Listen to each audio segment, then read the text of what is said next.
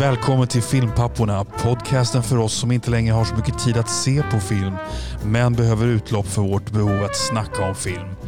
I detta snack kan spoilers förekomma för främst äldre filmer, men vi varnar alltid först. Podden är möjliggjord av den fantastiska redovisningsbyrån Ekonomihjälpen som ni kan läsa mer om på ekonomihjälpen.se. Och nu till Filmpapporna.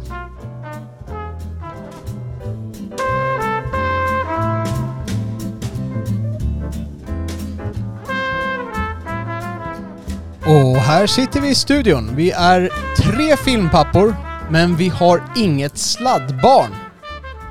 Och eh, det är givetvis så att eh, vi eh, har en gäst i studion här som vi kommer introducera alldeles strax. Och vi har köpt en snygg mikrofon, ett bra mikrofonställ, men vi saknade en sladd till det här stället. Så i 45 minuter har vi febrilt försökt leta i hela Tyresö för att få tag på en sladd så här på kvällskvisten. Men det fanns ingen som hade en XLR-kabel till oss. Så att eh, Oliver, Ja. du och jag får... Ja, vi delar mick här. Vi Så delar nu- broderligt ja, här. Nu är våra tungor två centimeter från varandra. Det känns som att Ja. vi tillsammans nu ska sjunga We Are The World, eller du, du hade ett... Ja, jag var mer inne på att du och Bon Jovi. jag är Bon Jovi och Richie Sambora kanske. Ja. Ja. Är det- Är det för att jag är lika snygg som Bon Jovi, eller?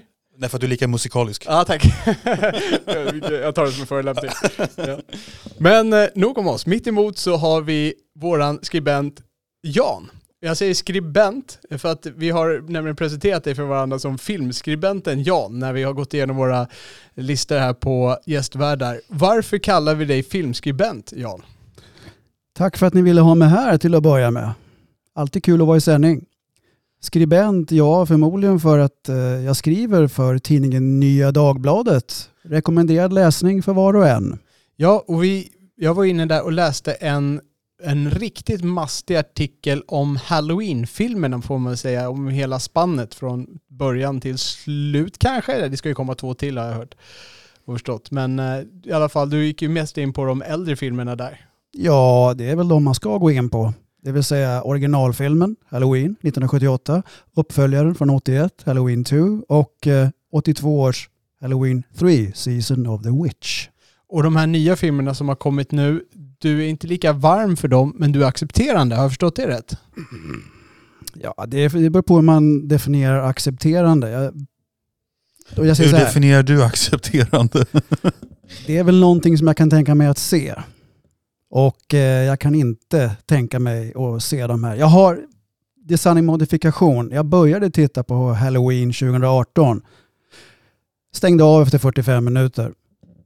Oj, stängde av den. Trots att du då är en Halloween-fan. Ja, frågan är om jag är Halloween-fan. Jag är ju maniskt fascinerad av John Carpenter. Jag är ett av hans största fan.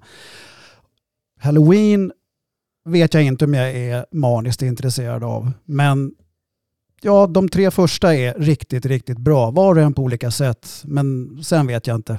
För mig som är lite nybörjare kring John Carpenter, hur många Halloween-filmer regisserade han? En. Den första bara? Eller? Ja, okej. Var han ens inblandad i de andra två? Det var han i allra högsta grad. Motvilligt, tvåan.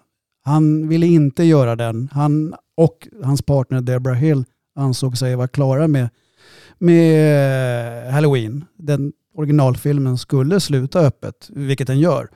Men som ofta så handlar det om pengar och Mustafa Akkad och Irvin Jablans, producenterna, finansiärerna, de ville såklart ha en uppföljare för att eh, casha in. Och Tjänster och gentjänster till slut föll John Carpenter, som det heter, eh, för det inre trycket och eh, skrev i alla fall manus till tvåan och producerar formellt med, tillsammans med sin dåvarande parhäst Deborah Hill, gör musiken samt att Dean Cundy, fotografen från originalfilmen, återkommer som många i, i crewet gör.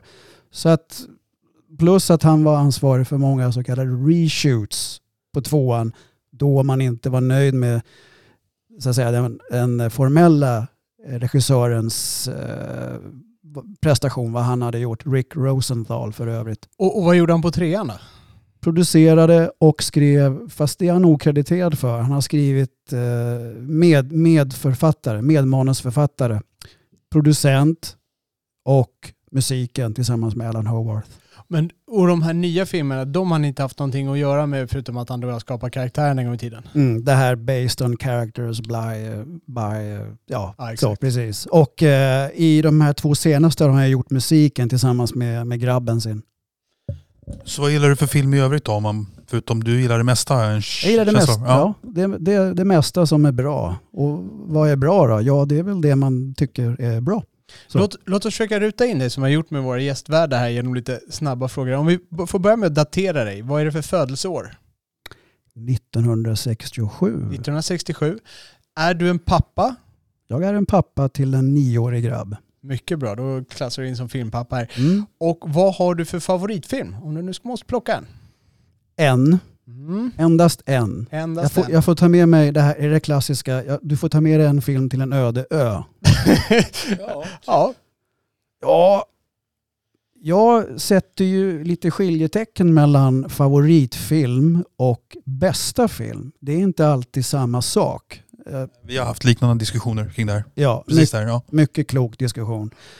Bästa film behöver inte nödvändigtvis vara den film man... Favoritfilm är ju ändå någonting som man kan tänka sig om och om och om, och om igen.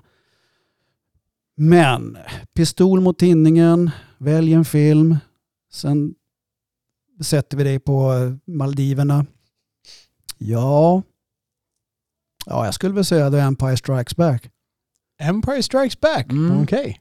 Då är du i gott sällskap här. Det, det är faktiskt inte någon av mina favoritfilmer. Den ligger, jag tror jag hade en 9 i alla fall på IMDB. Så det är ingen film jag heter en 10 men eh, jag, är, jag är med på det tåget i alla fall. Jag har en bubblare, alternativfilm. Vi kan ju leka med tanken att okej, den filmen är slut. Så den kan du inte ta med dig. Du får välja en annan. Vad tar du med då? Alien. Alien, okej. Och jag tror att det var den du skrev när du kontaktade oss först där på, vi, i vårt formulär på vår hemsida får man ju skriva in sin favoritfilm. Då tror jag att du skrev Alien där om jag minns rätt. Mm, det stämmer. Ja, cool. Vad har du för favoritregissör? Om vi måste plicka en där. Är- Återigen, är det bara en? Mm. Mm. Ja, det, det, det, det blir John Carpenter. Carpenter. Ja. just det. det kunde man ha gissat lite på introduktionen med Halloween här. Mm. Och har du någon sån här särskild filmupplevelse som sticker ut lite mer än de andra? Och det behöver inte vara relaterat till John Carpenter. Nej, eller, nej utan- precis. Utan då är det själva upplevelsen. Det kan ha varit en skräpig film eller så här, men upplevelsen. Har du någon speciell filmupplevelse som är, sticker ut lite i din värld? Jag, kan, jag ser framför mig ett biobesök som när man kommer ut från salongen så är man på engelska in awe. Lite så va? Ja. Ja, det är ju otvetydigt Star Wars 77.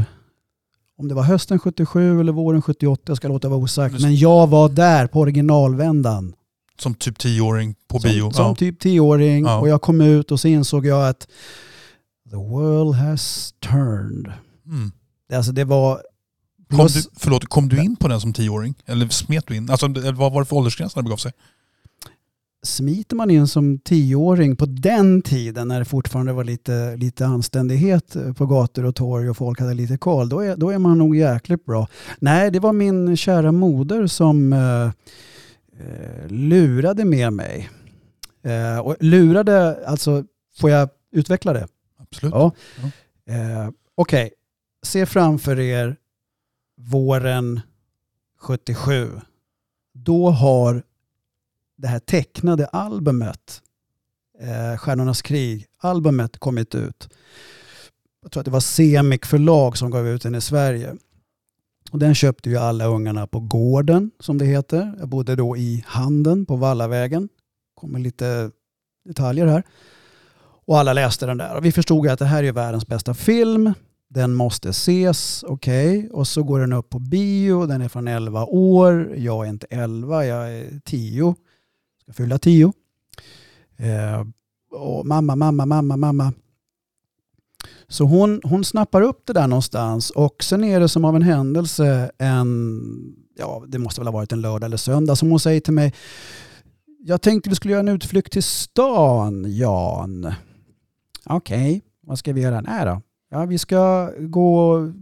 Du gillar ju, du vill ju se den här filmen Stjärnornas krig och jag tänkte vi kunde gå förbi biografen där den visas och så kunde vi titta lite på affischen eller på bilderna och kanske ta en hamburgare på McDonalds. Okej. Så vi åker, tar pendeln in från Handen till eh, stan och går ner till stora härliga klassiska Rigoletto. Och eh, så tittar vi på köerna där och bilderna och filmaffischerna, den här klassiska svenska Stjärnornas krig. Och jag är starstruck och så säger hon om du väntar här Jan så ska jag bara gå in och göra någonting, vad hon nu sa. Jaha, okej. Okay. Så jag står där utanför och tittar på lobbyfoton och eh, affischer. Så kommer mamma ut och säger jaha, då är vi klara här. Ska vi gå och ta en hamburgare? Och det är det här klassiska McDonalds nere, ja, 50 meter ner då, Kungsgatan. Dit, käkar och så går vi tillbaka och så stannar hon till utanför och så säger hon Ska vi gå in och se filmen? För jag har två biljetter. Fatta det. Förstår ni vad det gör med en ung människa att se sin mamma göra en sån här Jesusliknande gest? Jag kan bara tänka mig hur stort det var. Ja, det, det går inte att beskriva i ord. Det, det är som att se du vet, havet öppna sig. Jag vet inte vad jag ska jämföra med. Det är liksom en... Där och då, där och då så kysste jag marken där min mamma stod. Maria Magdalena. Ja, upphöjd. Ja, gånger oändligt. Ja. Så ja, svaret lät ju inte vänta på sig.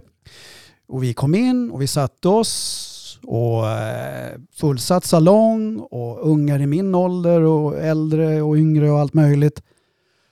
Och så går så dämpas ljuset och man hörde det här klassiska ding, dong, dong som det då var på, på Rigoletto och, och så dras jalusierna isär.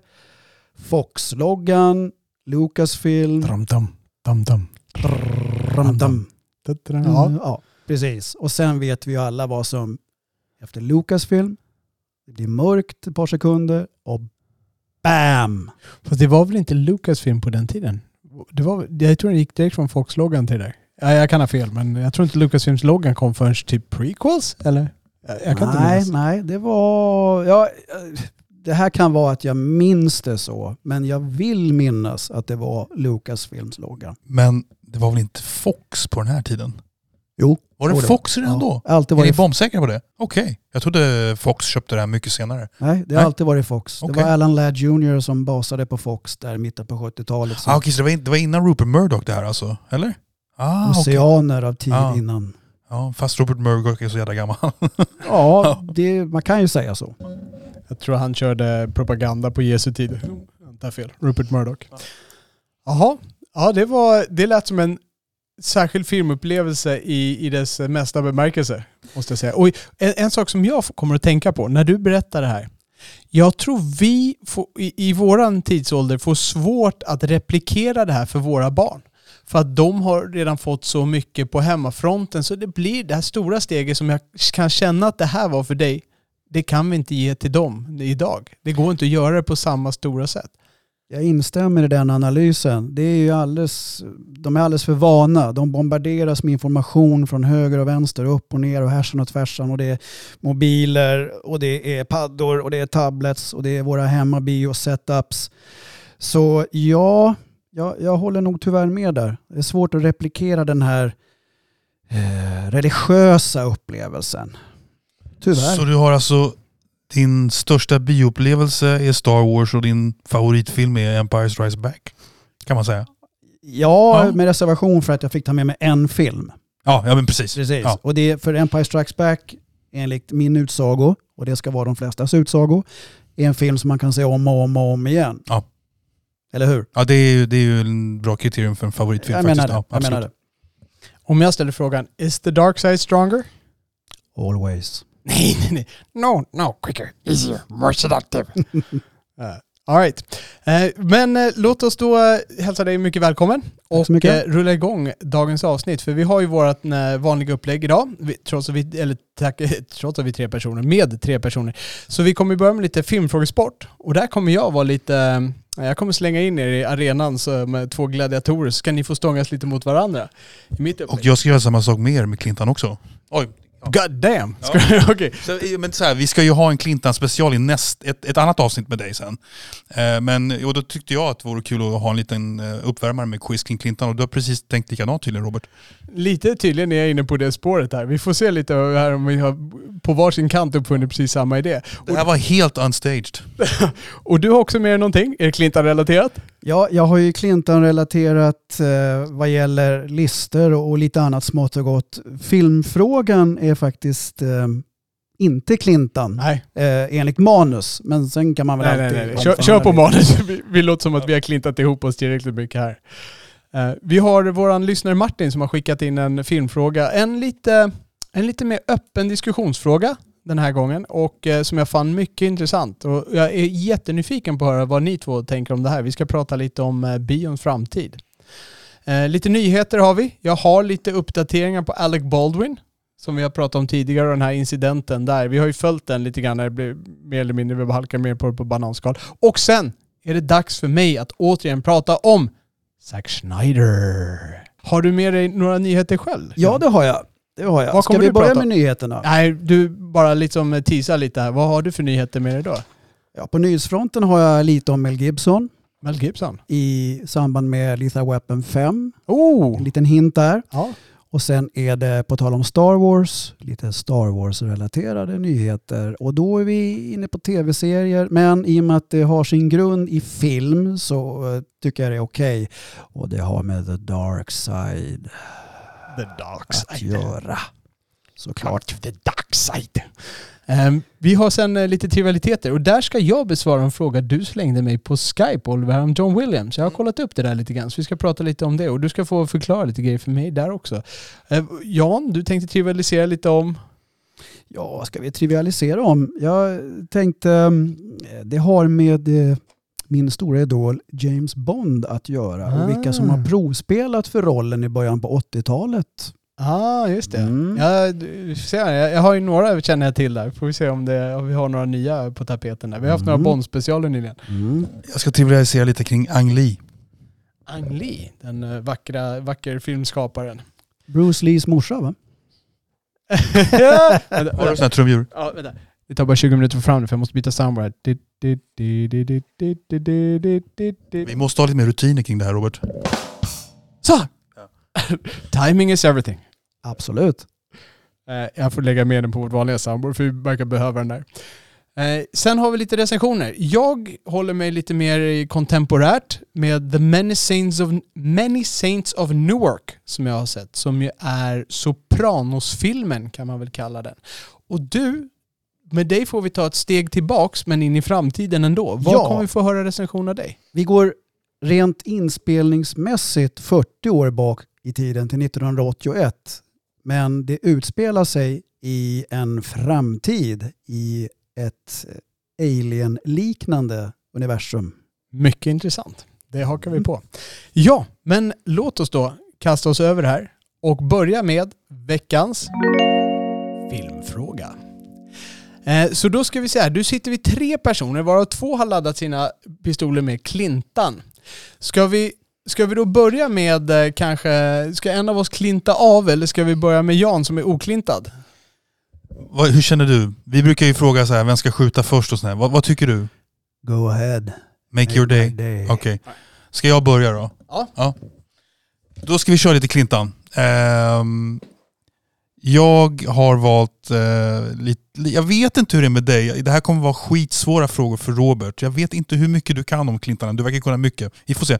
Men jag har eh, sex, av, tycker jag, ganska svåra Clintan-frågor. Och eh, grejer ni två rätt så är det godkänt.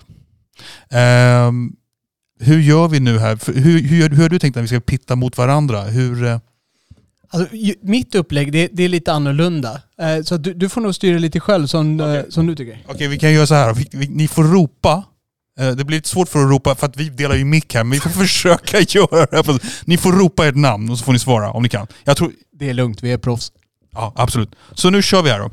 Förlåt, fråga. Vad vinner man om man svarar rätt? Min respekt. Heder och Toppen. ära. Bra så. Mm. Ja, det blir lite Clintan i lite musikens tecken och lite annat. Första frågan. Vad heter Clintans regidebut på engelska? Jan, play Misty for me. Yes! Uh-oh. Okej. Och då, jag misstänker att du har sett den här filmen Jan. Eh, Mhm. Jag tycker om den. Eh, Jag med. mm, Mm. Den är inte oäven. nej. Eh, men då undrar jag, vem skrev låten Misty? Ja, det är en... eh, Ja, det är ju en, det är en riktig låt alltså. Ja, det är det ju. Miles Davis? Nej. Jag säger pass. Look at me, I'm as helpless as a kitten up a tree. Det är en låt av Errol Garner. Aha, han. Ja, just det. Ja, det var Nej, men det. om, om ni hade hört honom så skulle ni komma ihåg honom. Fantastisk pianist. Är det Errol Flynns brorsa? Nej, de delar förnamn inte efternamn. Errol Garner. För övrigt får jag gratulera till en inte helt oäven sångröst. Tack, jag sjunger lite grann ibland. Ja. Ja, sen går vi vidare lite grann på jazzen. Det finns ju en film av Charlie Parker som heter Bird. Som handlar om Charlie Parker. Sa jag Charlie Parker nu? Du sa ah, Charlie Parker, så att... Får fel på din egen frågeställning. Haha. Eh, nej men Clintan regisserade ju Bird om Charlie Parker 1988. Vilken skådespelerska... Robert! Jaha, nej. Inte Robert. Sluta tramsa där. Vad heter skådespelerskan som spelar Charlie Parkers fru Chan Parker? Ni kan få en liten ledtråd. Angela Bassett? Nej, Charlie Parkers fru var vit. Exakt, det var hon. Det var därför jag dröjde här. Eh, Michael Mann skådespelerska skulle man kunna säga. Vilken, film, vilken Michael Mann-film har, kan du nämna en? Törs du göra det? Vilken Hon är med i Heat. hit? Du, du kommer inte få en, en poäng för den, men det är lite kul. Ja, då vet jag ju vad hon heter. Men nu satt det väldigt långt bak. Hon är även med som Russell Crowes fru i The Insider. Just det.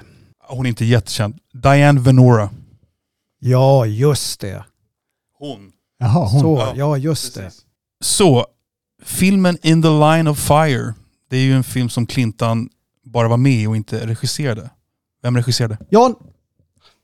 Wolfgang Peterson. Oh yes. Okej, så då är det två frågor kvar. Jag måste acea båda och jag måste acea dem före Jan för att få godkänt på det här. Det här jag gillar min odds.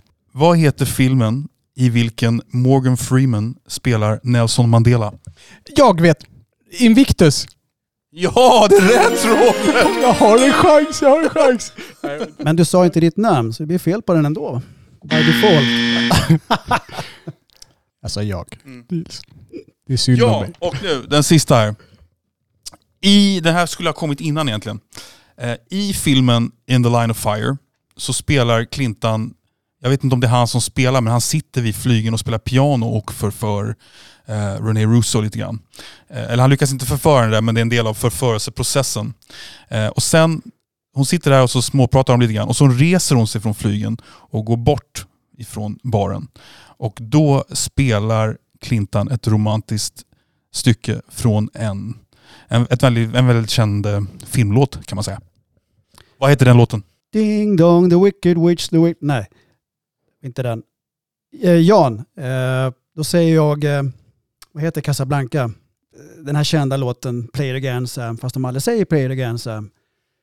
Utan det är den låten. Fast jag säger ju inte titeln där. För vad heter själva låten? Kan du sjunga melodin?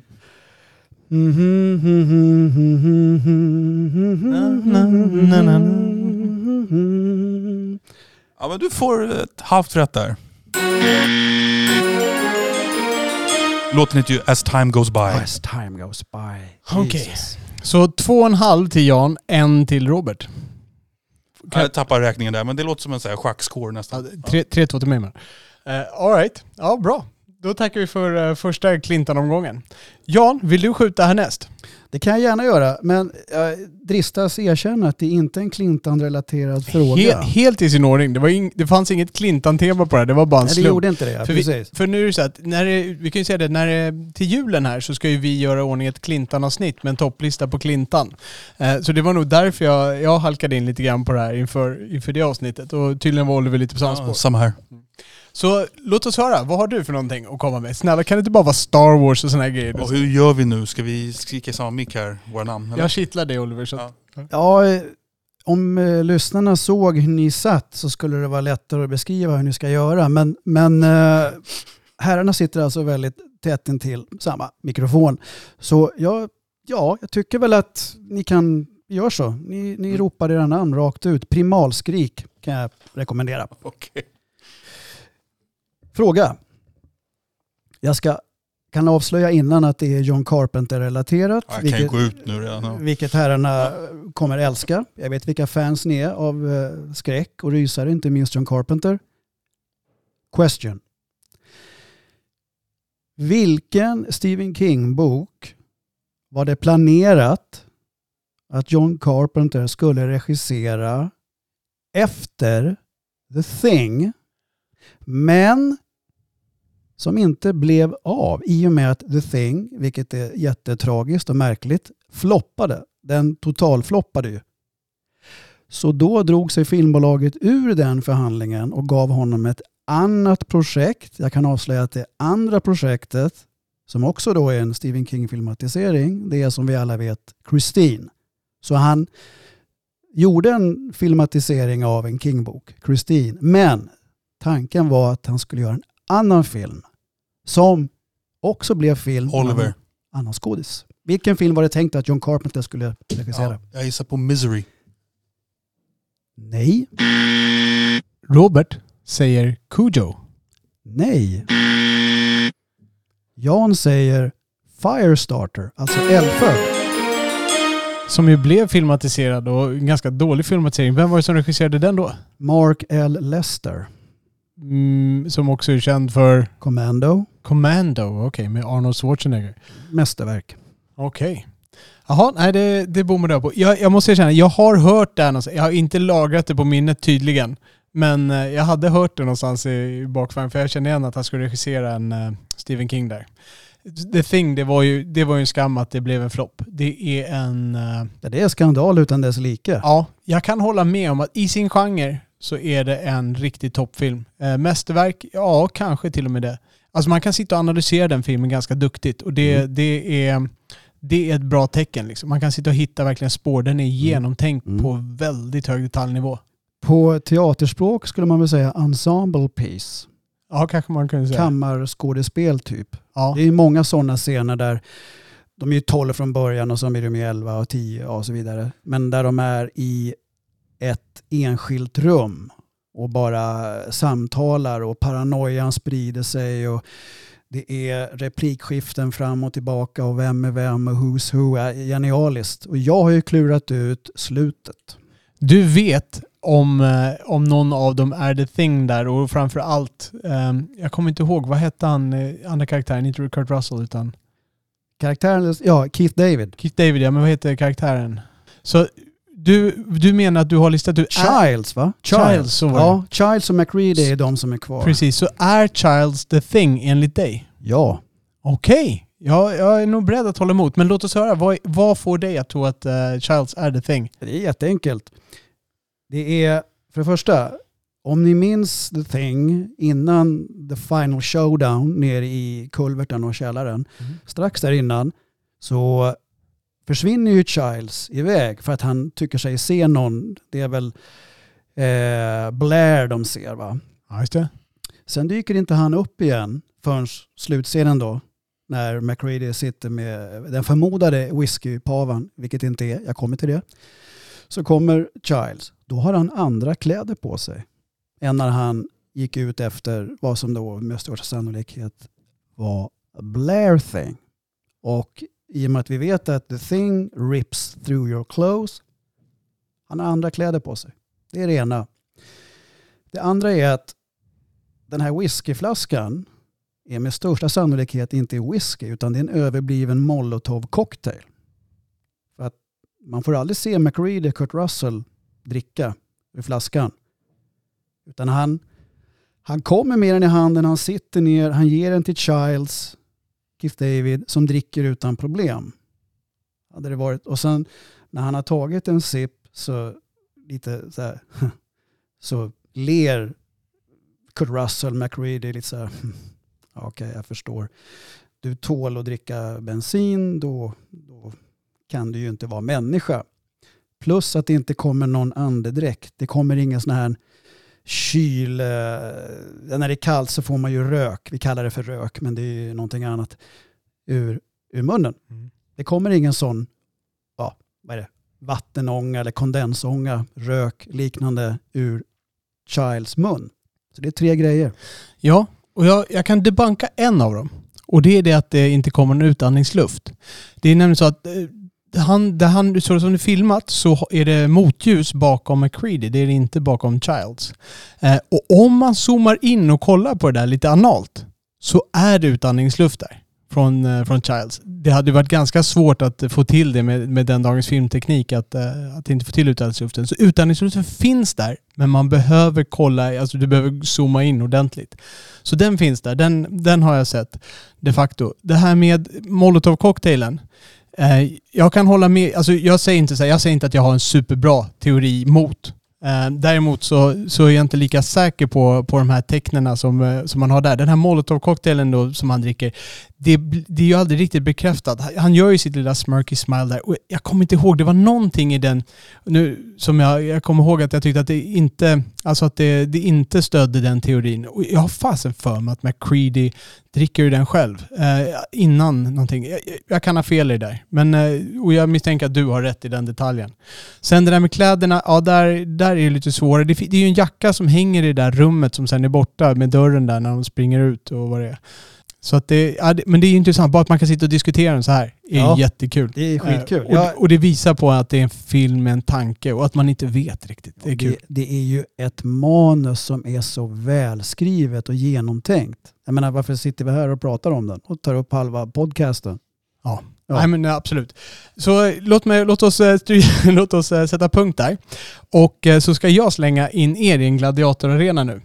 För nu är det så här, jag tänkte att vi ska le leka Last Man Stanton. Och det här har jag hämtat från Doug Loves Movies. Det är egentligen ingen lek som de har uppfunnit, men han eh, hade det namnet. Det är en annan eh, filmpodd då.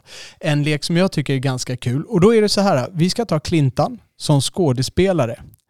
Och ni ska få nämna skådespelarrullar i ganska rask takt. Turas om alltså. Och man får inte säga samma rulle två gånger givetvis. Tills dess att det tar slut. Ja, och den som då sitter tom, den, eh, den förlorar. Så att den som säger den sista filmen eh, vinner, givetvis. Och du litar på så att vi inte fejkar, att du, för du kan, inte, du kan inte verifiera allt?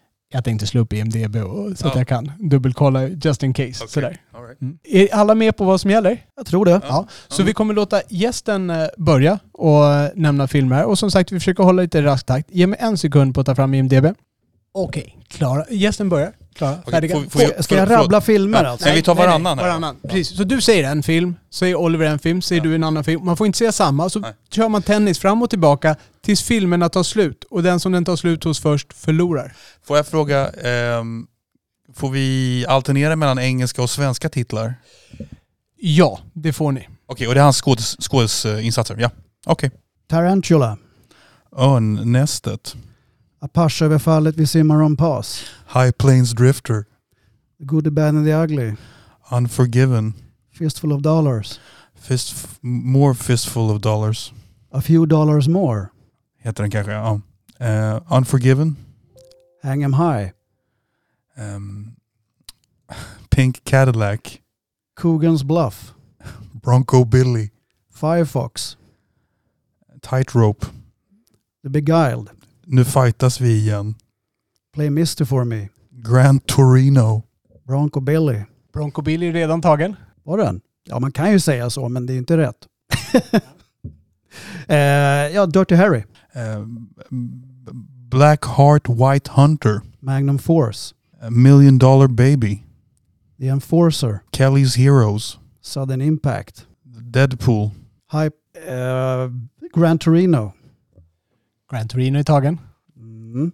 Uh, uh, mannen med oxpiskan. Jag skulle precis säga den.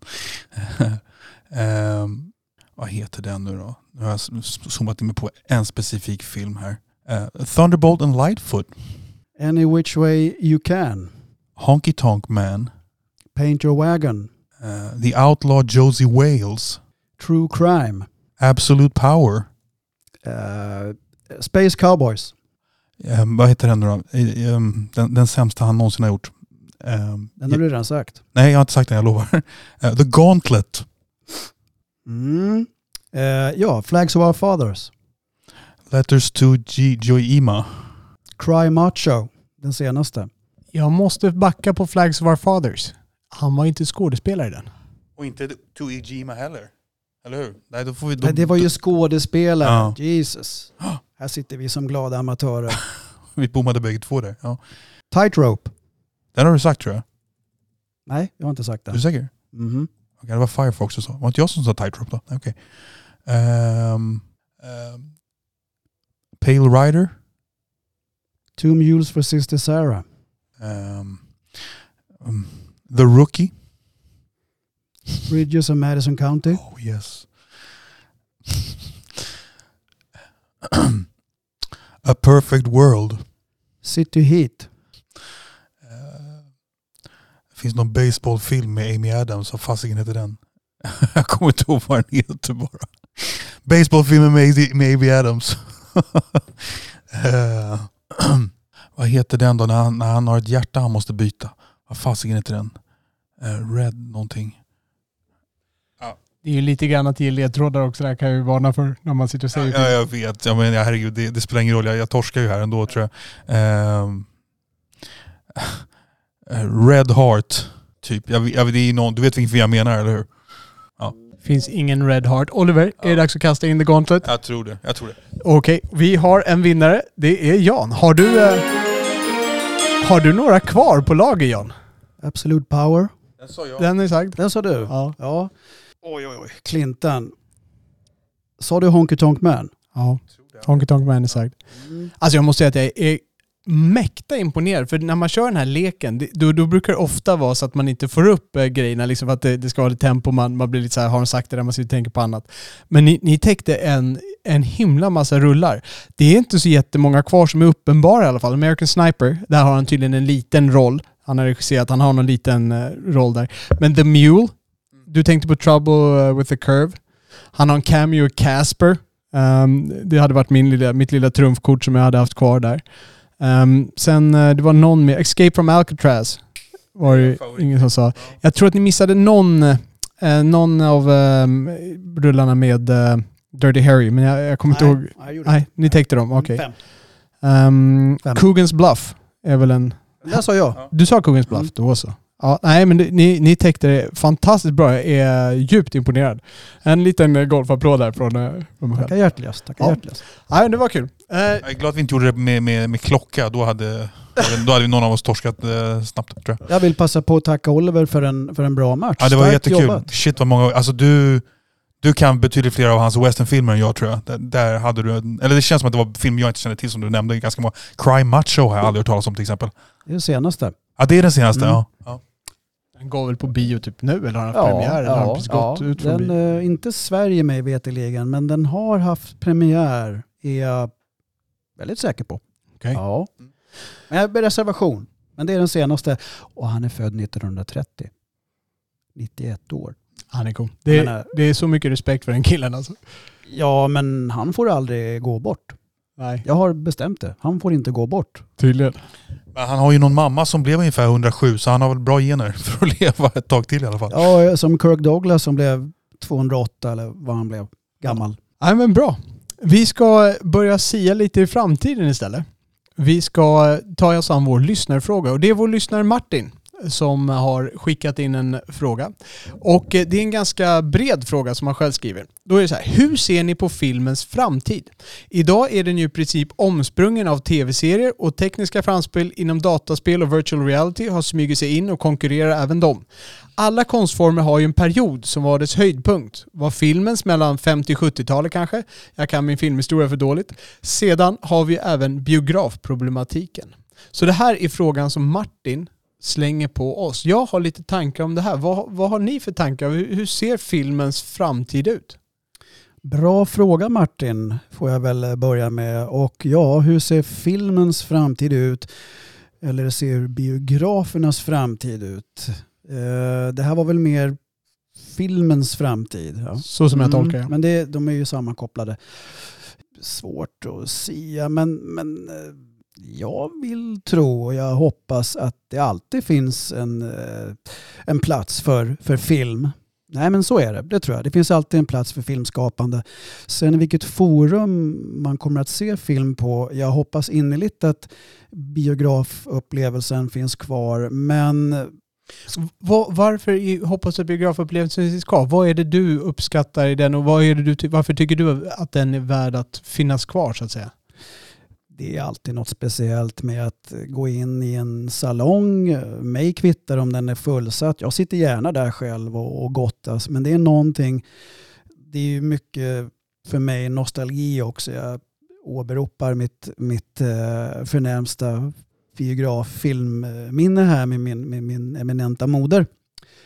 Eh, att sätta sig, se tafflig reklam, ljuset släcks, det kommer ännu mer reklam, ljuset släcks igen, tio trailers och sen kanske någon gång under kvällen så dras jalusierna isär och filmen börjar och man, får, man blir uppslukad av, av det storslagna, storslagenheten. Och om man säger, hur, hur stor del tror du att det här att man ser en film gemensamt, hur viktigt är det? Hur mycket tillför det ska jag nog ställa frågan. Man är ju så många människor i en salong tänker jag, förhoppningsvis om det är utsålt. Ja, det, det är klart, det tillför. Framförallt om det är... Men vi tar då ett annat exempel. Jag är ett vansinnigt stor fan av James Bond.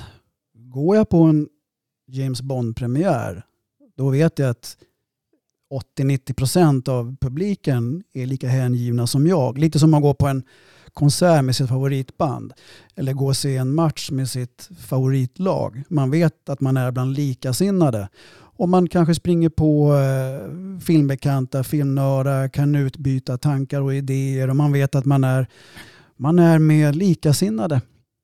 Det, det, det kan jag gilla. Åtminstone vill, vill jag tro att det är så. Okej. Oliver, vad har du för tankar om det här? Vad tror du om filmens framtid? Ah, jag tror att den överlever. Kortfattat. Ja, men så här. Eh, jag är ju ett, jag, tyck, jag tänker bara apropå det här han skriver här, att han någon slags eh, peaks för film, var det mellan 50 och 70-talet kanske skriver han där. Just det.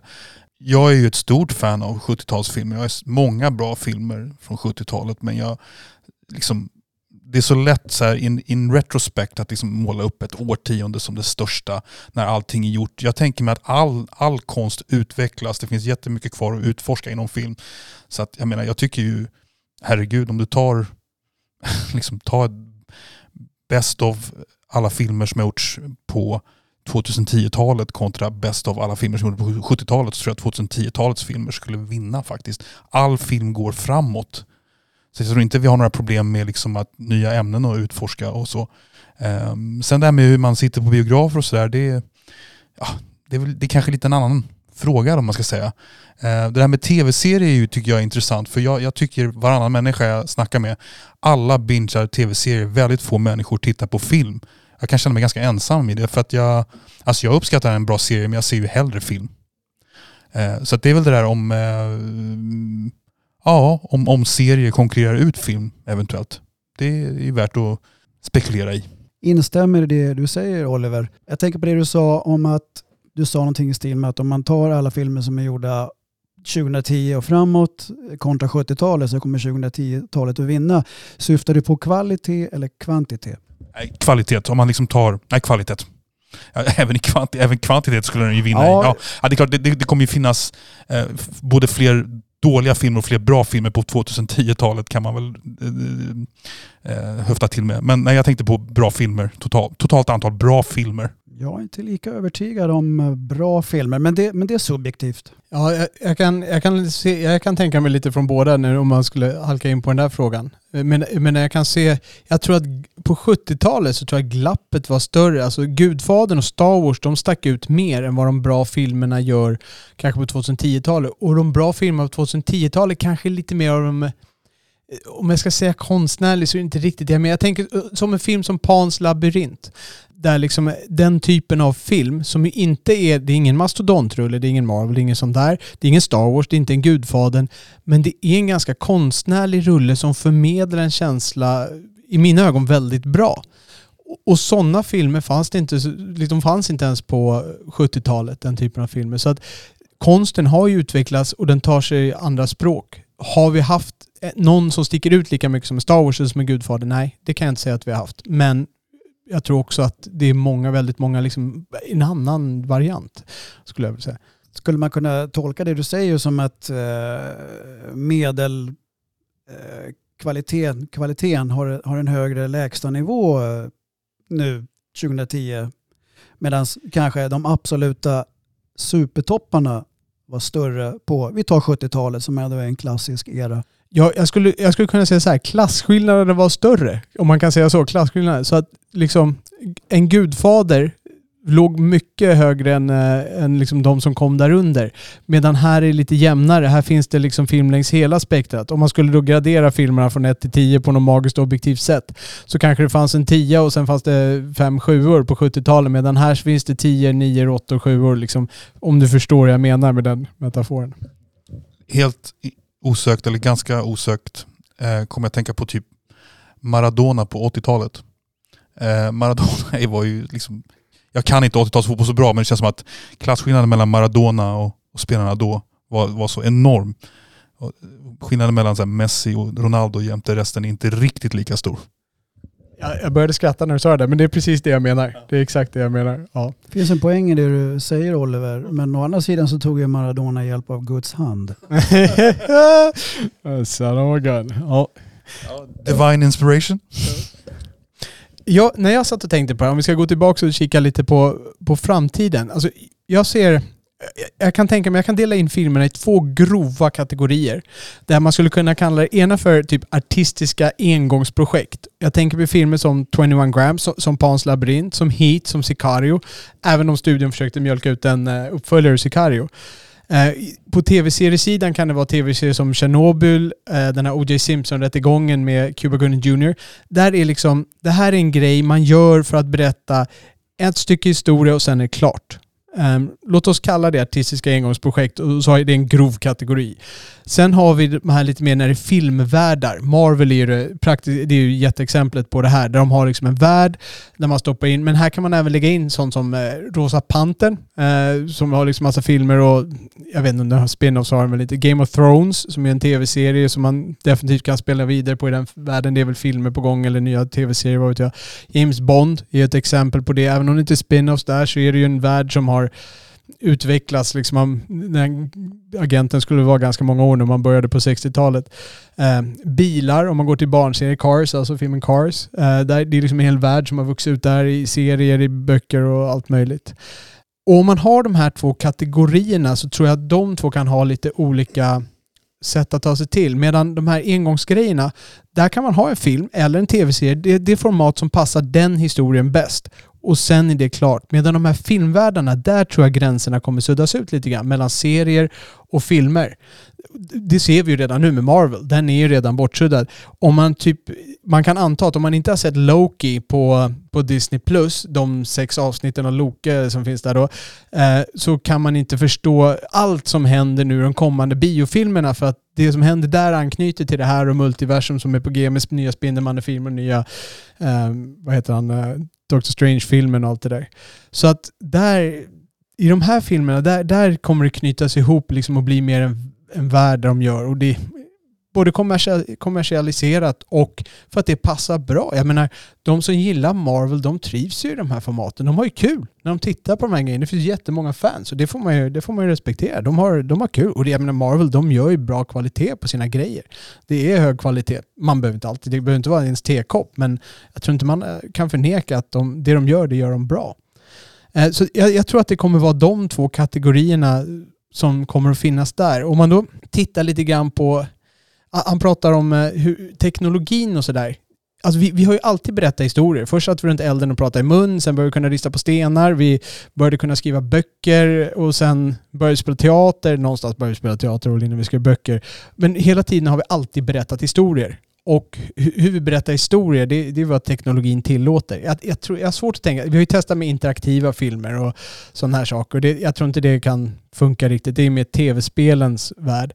Och jag, jag kan inte se hur virtual reality skulle kunna ta över filmvärlden och historieberättandet. Jag, jag tror den teknologin inte funkar tillräckligt. Alltså, och då menar jag liksom den framtida versionen av den teknologin. Jag tror inte det kommer vara ett lämpligt medium för historieberättande. Eh, däremot så tror jag att sånt som 3D, det kommer utvecklas jag, jag är nyfiken på att se vad Avatar tar 3D till. Jag menar, James Cameron han har ju alltid tryckt på gränserna när det kommer till teknologi. Så 3D tror jag kommer att, att vara ett steg som vi redan nu kan se kommer bli mer normaliserat och kommer att ha högre kvalitet och kommer kanske bli Kanske bli en standard. Kanske kommer vi se en artsy-film i, i 3D för att det är bara, det, man gör bara film i 3D. Ungefär som man, varför ska man göra en svartvit film idag? Det, ja, man kan göra ett artistiskt val. Ett artistiskt val att göra en tvådimensionell film i framtiden. Något sånt kan jag tänka mig. Sen tror jag också att um, på teknologins sida att eh, CGI, alltså dataanimeringar och sånt där, det kommer att komma längre och längre och längre ner i, i budgeten. Alltså lågbudgetfilmer kommer ha det som vi idag anser är bra dataanimeringar. Och det gör att filmskapare, alltså verkligen amatörmässiga filmskapare kunde, kommer kunna realisera sina visioner. Och vi kanske kommer få liksom en ny en ny generation där vi kan, alltså vi kanske tänker på dem som YouTube-amatörer eller så här, som kan göra en film. Jag har ju en, en gammal teaterkamrat som gjorde Threads of Destiny, en Star Wars-fanfilm på, som finns på att se på YouTube. kan jag rekommendera för de som är Star Wars-fan. Threads of Destiny. Jag tror att den går att se på YouTube i alla fall, men den, den går att hitta på nätet i vilket fall som helst. Eh, Rasmus Tricitis heter han. Um, och, och, jag menar, där, där kommer man ju kunna göra både sådana här fanfilmer men också riktiga filmer tror jag med mycket högre. Jag ser ju bara det nu, vi kan ju använda green screen här. Jag kan ju lätt slänga upp en green screen. Det kostar inte mig så mycket pengar och så kan jag få upp en bakgrund. Jag kan göra sådana här, köpa lite billiga specialeffekter som ser okej okay ut. För liksom med ingen ansträngning alls. Och det här kommer ju bara bli bättre och bättre. Vi kommer kunna få bättre effekter. Så att jag tror att det finns en möjlighet att vi kommer få ett helt liksom en hel generation av nya amatörfotografer som kan göra, ja, realisera sina visioner trots att de inte har budget, trots att de inte har det som vi idag anser är tillräcklig utrustning för att den utrustningen kommer bli så standard. Du kommer kunna göra en bra film med, jag vet inte om din mobil, men i alla fall med en liten handicam som vi tänker på idag. Um, ja, så det, det, det, tänker jag om teknologin. Jag, jag ser nog ganska positivt på den. Jag, jag, tycker, jag tycker det är kul att följa det där. Och det sista jag hade var, om man tänker på bion just, jag har, jag det finns ju en risk att bio, det blir bara för sådana här mastodontrullar. När man behöver, liksom, man vill ha ljuden, man vill ha det omslutande, det är, liksom det, det är Nolan, det är Marvel, det är de där filmerna. Medan mer sådana här 21 grams och de här filmerna, de får, de får nöja sig med att de har kanske Sita då, någon sån här liten nischad biograf och sen så är det mera titta hemma i biosoffan. Eh, eh, en sån framtid kan jag tänka mig rent realistiskt. För att det är fortfarande, konkurrensen från den stigande kvaliteten på din hemmabio, den, den, den är ju bara realistisk. Och folk, det är en bekvämlighet, du sparar pengar på att sitta hemma, du har hög kvalitet, du kan styra det, du kan tajma det när du vill och sådana här saker. Det är en bekvämlighet som många vill ha. Och vad är det då som lockar med bion? Du måste ju ha någon ännu högre kvalitet på, på ljud och teknologi där, eller så är det sällskapet. Att man vill gå och se det med jättemånga andra människor. Liksom det, att det är en, det är en eh, festlighet, en tillställning. Det är ett event liksom. Ja, det, det var de tankarna som jag hade kring, eh, kring framtiden på bion där. Jag, eller film ska man väl säga, inte bara bio utan film generellt. Det, det är lite de spåren som jag kan se. Ja, det var många ord och det var kloka ord. Jag instämmer i mycket. Och jag tänker det här med biografer. Priserna håller ju på att dra iväg nu in i, ja just det. Och eh, vad ligger en biljett på idag? Och då räknar jag inte in nischbiografer som finns i stan. Det är 150 kronor. Jag menar jag köpte eh, 4K-filmer härom, härom veckan från ett känt företag. Man kunde köpa 10 stycken för 1100. Det är 110 kronor styck. Biobiljetten är alltså dyrare. Mm. Ja, absolut. Och, och sen är det ju... Jag, tänker, jag, jag gick ju och såg en film med Green Knight för inte så länge sedan. Som, är, som var en riktigt bra film. Men den utnyttjade ju verkligen bioljud. Och det är en sån här film, där måste du ha ett bra hemmabiosystem. Men det är fortfarande en sån här artsy-fartsy film. Äh, artsy-fartsy film, det, det är elakt att säga. Men det, det är en ganska eh, det, det är en fin smak, eller ja, det är en djup film, vad ska man säga? Jag vet inte vad jag ska sätta för epitet på den. Jag kallar sådana filmer för poetlasse-filmer. Ja, har du sett Green Knight? Nej, det har jag inte gjort. Nej. Eh, jag kan för övrigt rekommendera den varmt. Ehm, det är, det är en, eh, men det är en lite udda tagning där. De flesta skulle nog tycka att den bara var konstig. Ehm, men jag tyckte den var konstnärlig. Eh, jag tappar nog spår lite grann var jag var på väg med den här poängen. Men jag tror det är ett exempel på någonstans där, de möts- där de verkligen, de har utnyttjat, där utnyttjar de bion fast en filmen inte är en mastodontrulle. Och jag har svårt att hitta de där mellantingsfilmerna som ska hamna någonstans emellan.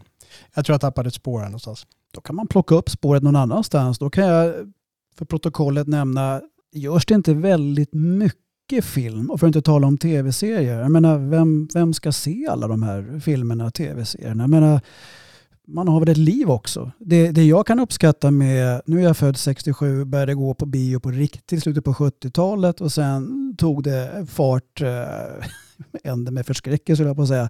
Men sen tog det riktig fart 80-81 och framåt. Jag, på 80-talet och en bit in på 90-talet så bodde jag väl på Rigoletto, Rival och Rialt och Luc och Skandia och allt vad det heter. I och med att det var längre glapp mellan premiärer, stora premiärer, mellanstora premiärer så fanns det en uppbyggnads och förväntansfas. Man läste den här filmtidningen om ni kommer ihåg det, gratistidningen. Och man fick en bild i sitt inre. Man läste någon filmtidning, film och video, kommer ihåg den svenska. Man byggde upp förväntningar. Ja. Man såg någonting framför mig. Affischerna, bara där, filmaffischerna från 60, 70, 80-talet, det var ju konstverk. Idag är det bara photoshopat blaha blaha. Men visst, det är, kärnan av, av det du säger är väl det här, man, man blir lite avtrubbad av den här ständiga tillgängligheten Ja, på allt. Ja. Och jag, jag, jag känner själv det, att den här tillgängligheten det gör att jag inte tittar på någonting nästan. Och det är därför inte jag, för flera år sedan så sa jag tack och adjö till allt med streaming. Ja. Satsa bara på fysisk media. Ja. Jag, jag, jag tror kanske jag skulle göra samma sak eh, eh, om jag hade lite mer tid Ja, men, vad, vad- ska man bygga upp idag? Vad ska ungarna bygga upp? Allt är ju tillgängligt. Och inte det, det ena tillgängligt så är det andra tillgängligt. Det finns alltid något alternativ. Vad är förväntningarna? Och sen, man fick ju träna på tålamod. Vi sitter ju för fan och fipplar med mobilerna samtidigt som vi kollar film these days. Det är ju... Ja, Ja. du Robert som gillar att citera Yoda. Patience! Patience my friend! When you on peace. Ja, jag, eh, jag, jag, kan alltså, jag, håller, jag håller både med och emot. Men jag, jag tror också att vi måste också se vår egen, vår egen situation här. Vi, nu är vi papporna som sitter och säger att det var bättre för Vi, Ja, vi det är lite grann det. inne på det spåret. Och våra föräldrar satt säkert och sa likadant. Ja, nu har du tv med två kanaler, vet du. Det är inte som när vi var små. Nu kan de se nyheterna när som helst liksom nästan och sådär. Ja, jag vet inte. Det, det är bara verkligheten som den är nu. Det har alltid blivit mer och mer eh, media. Kan det någonsin bli för mycket? Ja, kanske. Men det sa säkert våra föräldrar om vårt också. Men jag, jag tror faktiskt jag tänker, jag tror jag tänker mindre på min son och, och barn och tänker mer på hur, hur uttråkad jag själv blir av det. Jag är, inte så, jag är inte så orolig för barnen egentligen, de anpassar sig. Utan det är mer det apatiska tillstånd som drabbar vår generation. Mer så. Sen finns det någonting jag kallar för snuttifiering. Och det märker jag breder ut sig. Det ska snuttifieras vad gäller nyheter. Eh, man lyssnar inte färdigt på låtarna. Man lyssnar en tredjedel, två tredjedelar, tar man nästa. Och det har att göra med tålamod, attention span. Så att jag håller inte riktigt med om att, och nu talar jag för mig själv, inte orolig för ungarna. Jag är, och nu vet jag hur det låter, jag är orolig för, för att använda ett ord, ungarna. Det är snuttifiering, snuttifiering, snuttifiering. Jag säger till min son, ta det lugnt. Ta det lugnt. Se klart, lyssna klart, gå vidare. Man behöver ju träna på det här med ja, attention span.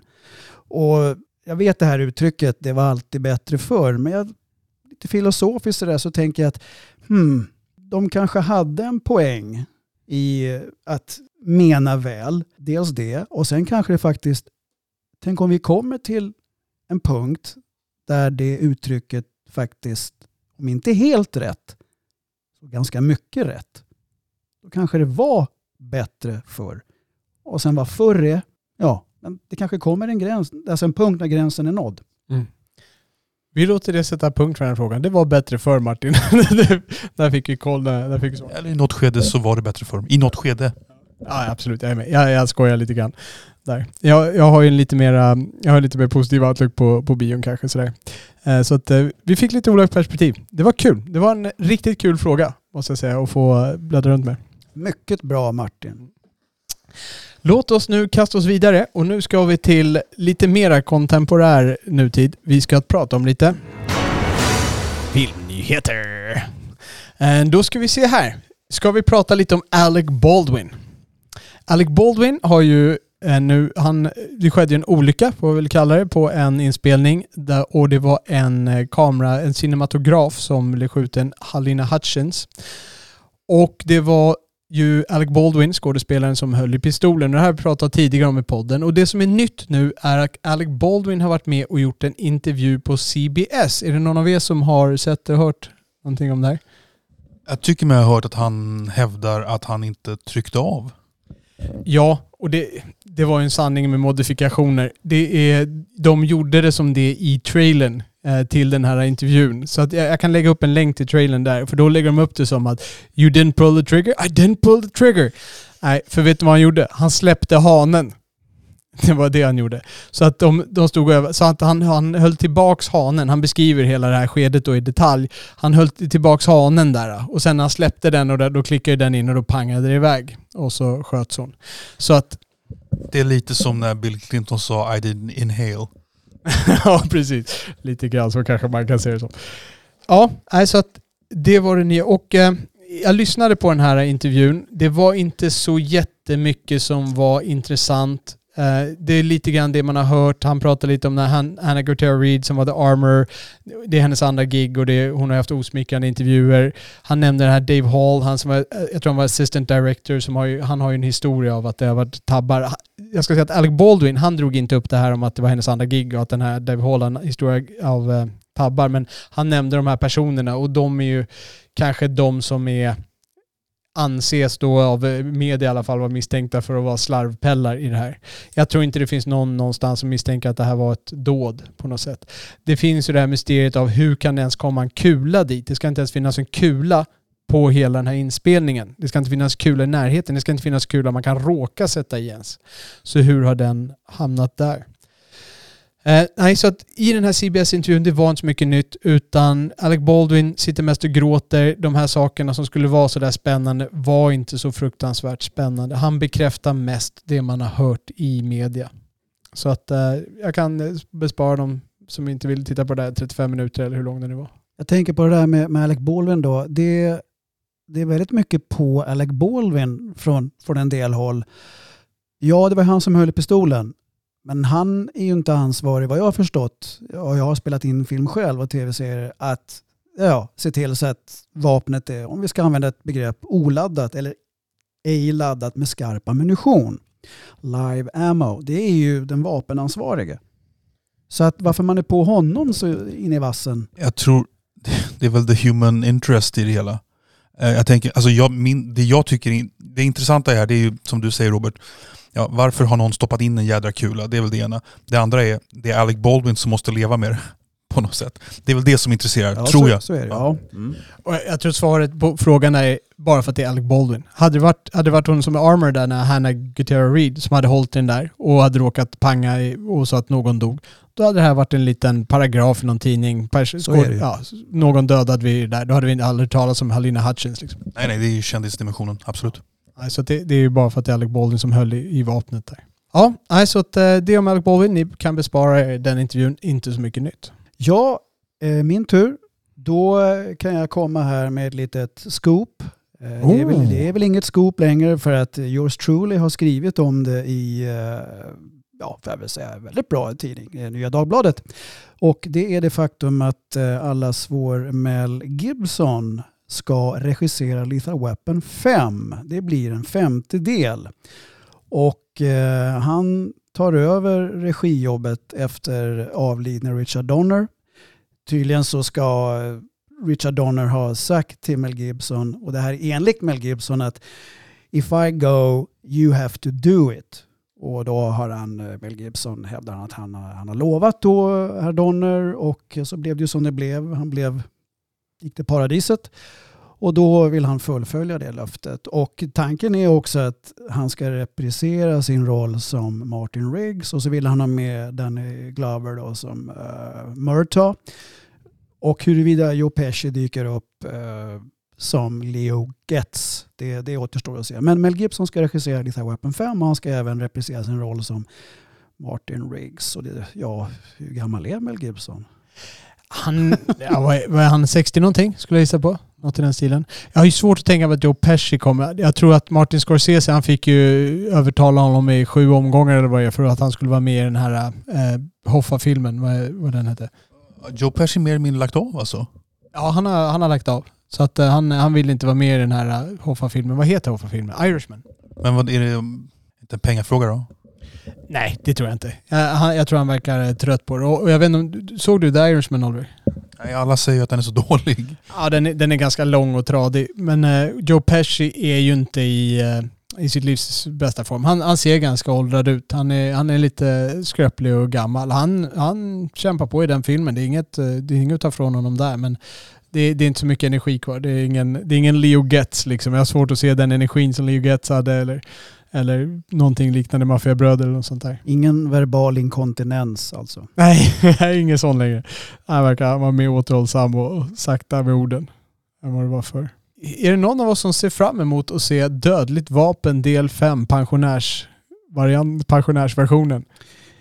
För egen del inte nödvändigtvis. Jag, tycker- jag tycker det känns som att eh, nej, det är bra. Chris Rock då? Ska han komma tillbaka? Och var han svärson då till Murtaugh? Ja, vad skulle han heta? Kenneth Murtaugh. Eh, nej, det, jag är väl inget jättefan av Chris Rock. Så eh, han är väl okej i fyran, men, men eh, nej, det är lite för mycket snack i Pelle. Han ska väl hålla sig till stå upp egentligen. Det, jag gillar dem som ståuppare. Ja, eller sitt nerare. Okej. Ja. Eh, då tänkte jag gå vidare och ta oss tillbaka till The Snyderverse. Det här är någonting som vi har pratat väldigt mycket om där när det var released the Snyder Cut och hela den där grejen. Och eh, Snyder, Zack Snyder då som gjorde, började göra Justice League och sen så gick Justice League, eh, produktionen gick eh, sådär så då fick den tas över av Joss Whedon från Marvel istället där och det blev en riktig kalkonrulle de släppte ut, en riktig bajsrulle tror jag jag vågar kalla det. Och sen så fick ju då Schneider gå in och göra sin egen så kallade Schneider Cut. Så han släppte um, Zack Snyders Justice League, tror jag är den officiella titeln på filmen. Och den är fyra timmar lång drygt. Finns på HBO, HBO Max som det heter här i Sverige numera. Eh, jag tyckte väldigt mycket om den versionen av filmen. Finns både som färg och svartvit för den delen, för de som vill se den i svartvitt. Men det skulle bli det sista av det här. Man skulle inte ta tillbaka Zack Snyders. Det, och det här är ju DC Comics. Det är ju den motpolen då till Marvel om man kan kalla det det. Och det skulle inte återupplivas det där. Men nu har det hänt grejer, sägs det i alla fall. Rykten, ledtrådar, det finns saker, nätet bussar. För nämligen inom ett tio dagars spann så hände följande saker. Zack Schneider, han postade en clipperboard. En clipperboard är den här som du vet som man ser när man eh, klappar ihop där innan man börjar en scen. Eh, jag vet inte vad det heter på svenska, en filmklappa eller något sånt där. Eh, och på den så skriver man ju då vilken scen. Och det här var en clipper från när de spelade in Justice League. Och då står det en viss scen på den då. Och i den scenen, i hans Justice League, i Zack Snyders Justice League, är det scenen där Darkseid, den här stora, deras Thanos för de som kan Marvel, deras stora fiende, när han annonserar sin plan som skulle ha blivit Justice League 2.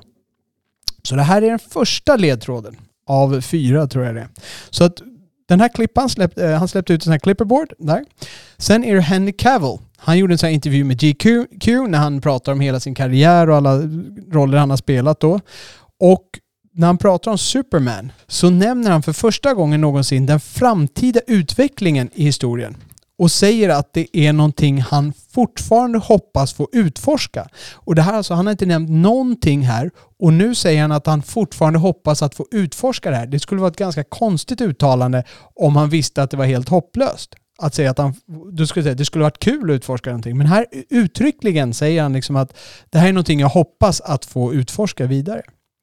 Um, och det är ledtråd nummer två. Sen är det, jag kommer inte ihåg, det är någon som är filmens director, photographer, någon, sån här, någon som är involverad i filmen där. Han tweetar en storyboard av Darkseid, återigen den här skurken. Eh, och det är en storyboard där han invaderar jorden. Och sen lägger han till texten i den här tweeten då, Let it begin.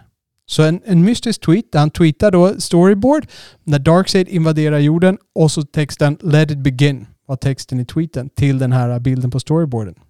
Ledtråd nummer tre. Och sen slutligen ledtråd nummer fyra.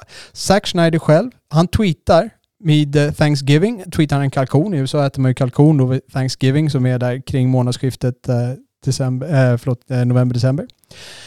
Och bakgrunden av den här kalkonen så ligger det ett seriealbum, så här tjockt seriealbum, typ bok, som heter The Final Crisis. Och The Final Crisis är ett seriealbum som innehåller den historien som Zack Snyder skulle typ filma i Justice League 2 som han hade baserat sin historia på. Och, och då kan man tycka att det här kanske bara är en slump, så här, men Zack Snyder han har en historia att vara mycket avsiktlig med sina tweets. Bland annat inför The Snyder Cut så hade han tweetat ledtrådar som blev uppenbara i efterhand. Så att han är väl, verkligen noggrann när han lägger ut de här grejerna. Han, han sprider de här ledtrådarna på lite mer eller mindre finurliga sätt. Ibland lite för svårt som man inte märker förrän efteråt. Så att de här, inom tio dagar kommer de här fyra grejerna allihop. Och nu är ju snack om att det kanske blir en fortsättning ändå. Kanske HBO, för det, det, var ju väldigt stor efterfrågan på den här Justice League. Den ska ju ha varit HBOs eh, största, eh, mest sedda, bla bla bla. Den fick ju massa sådana här eh, HBO-rekord. Nu är inte HBO en jättestor filmkanal i övrigt. De har ju mer tv-serier och, och lite nyhetsprogram och sådär. Um, men i alla fall, det, det, ska ha varit en stor hit för dem. Jag började prenumerera på HBO för att de hade den där. De fick en prenumerant till mig. Jag är fortfarande prenumerant, även om jag hoppade av en liten stund och hoppade tillbaka sen. Så jag, eh, jag, är, jag är starkt nyfiken på att se om det här kan bli någonting. Och jag, jag, jag, jag, bör, jag köper det här, de som sitter och snackar om det. Jag, jag tycker det här är genuina ledtrådar som jag tycker kan betyda något. Eh, bara en liten kommentar eh, just kring HBO. Jag får känslan av att HBO börjar profilera sig mer och mer inom film. De är, det, här, det här gamla kultiga serieföretaget, det är liksom det är ganska passé nu. Det är, de hänger med i all utveckling och vill utmana Netflix rejält. Det är min, mitt intryck av hela utformningen av det här HBO Max. Helt korrekt. Eh, och det, det, jag menar är att de försöker ju komma in på det här spåret. Men när de, när de slog rekord och att, den här, att det här var det mest sedda och bla bla bla i deras historia så betyder det inte lika mycket som det skulle vara det mest sedda på Netflix som jag har den där historiken som du pratar om. Okej. Okay. Ja, så att jag är... är du, vad har, har du sett Jan, eh, de här eh, Justice League och dem? Jag ska erkänna för protokollet att jag är inte det största MCU eller DC-världen supporten, fanet.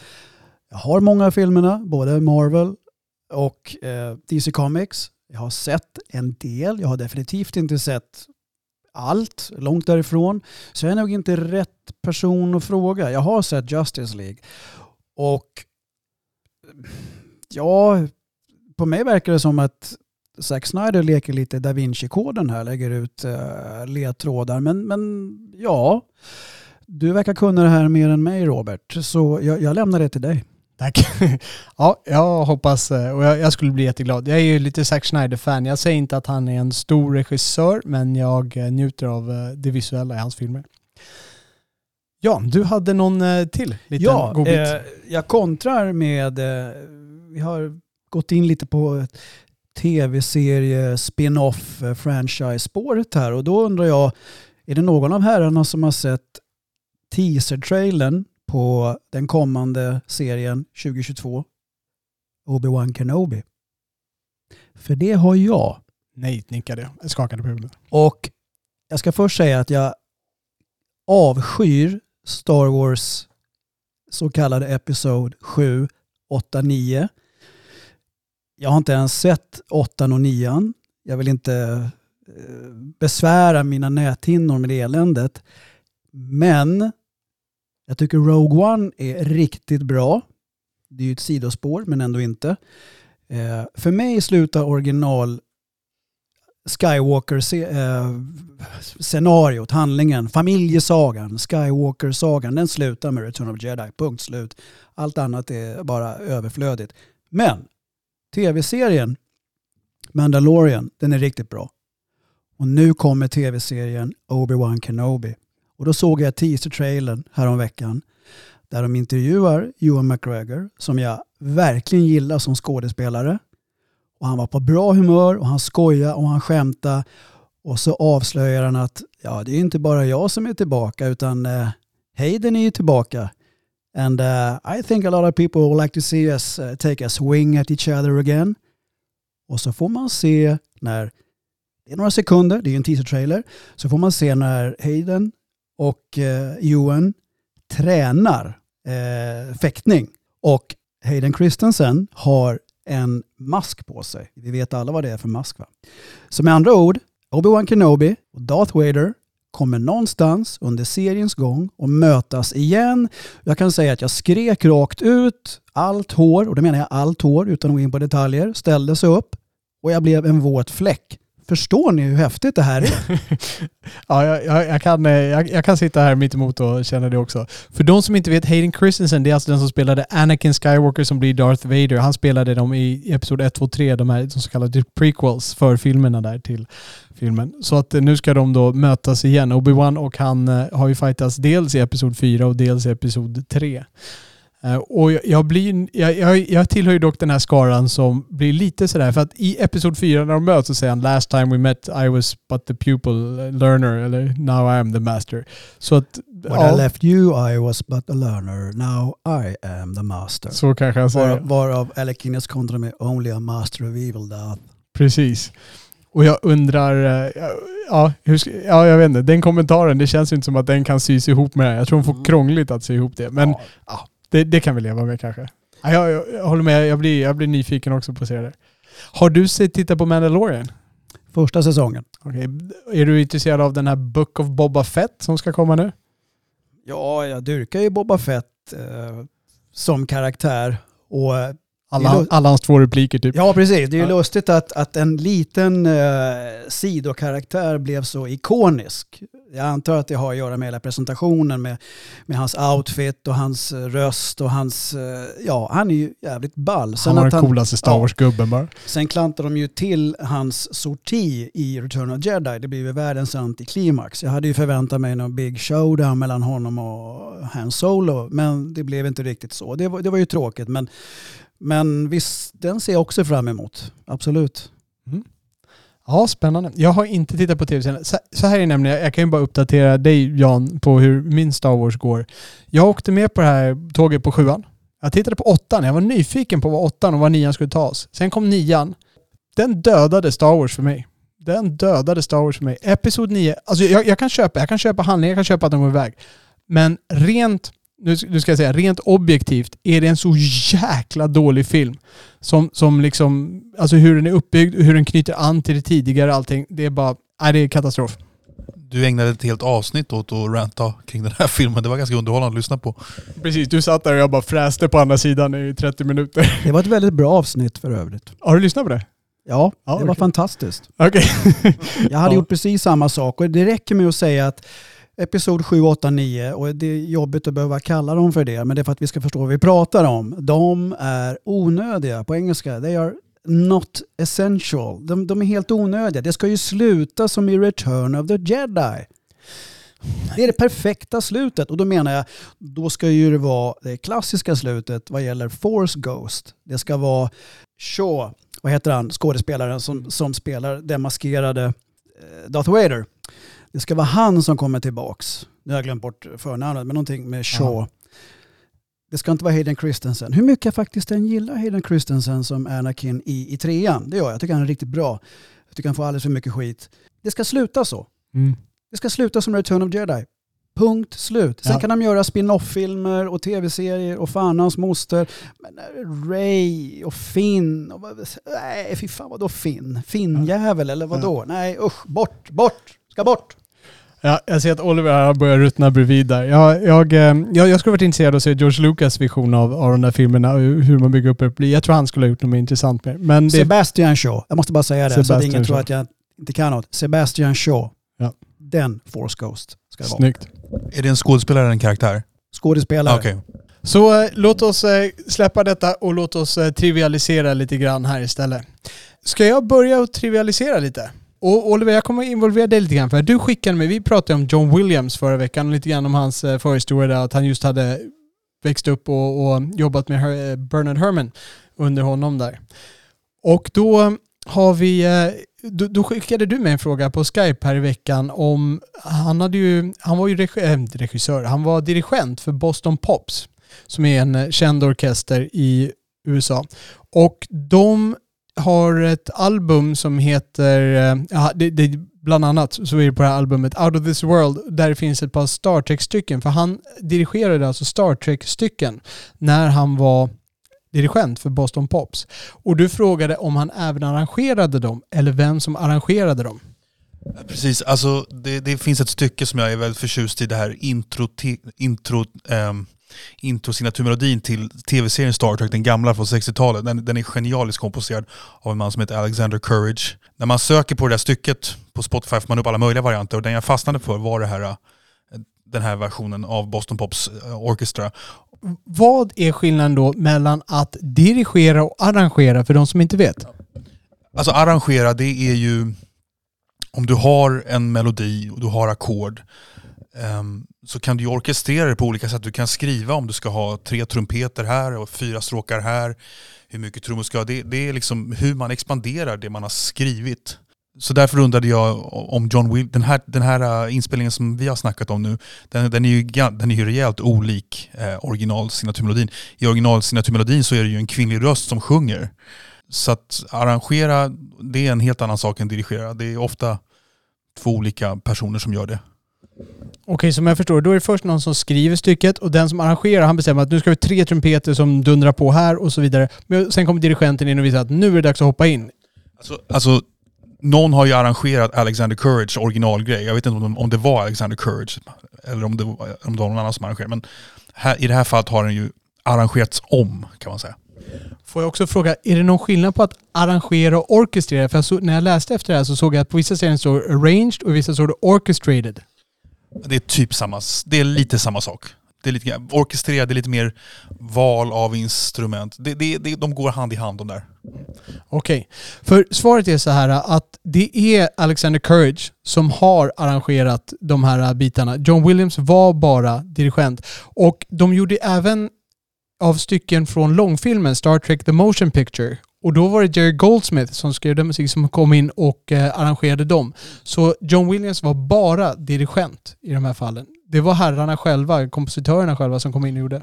Men det är lite kul, känns inte det här, jag vet inte du, hur mycket ni har följt liksom John Williams karriär. Jag känner ju mest till hans, eh, jag känner till hans mastodontgrejer, alltså det han gör med Spielberg och Lucas och sådär.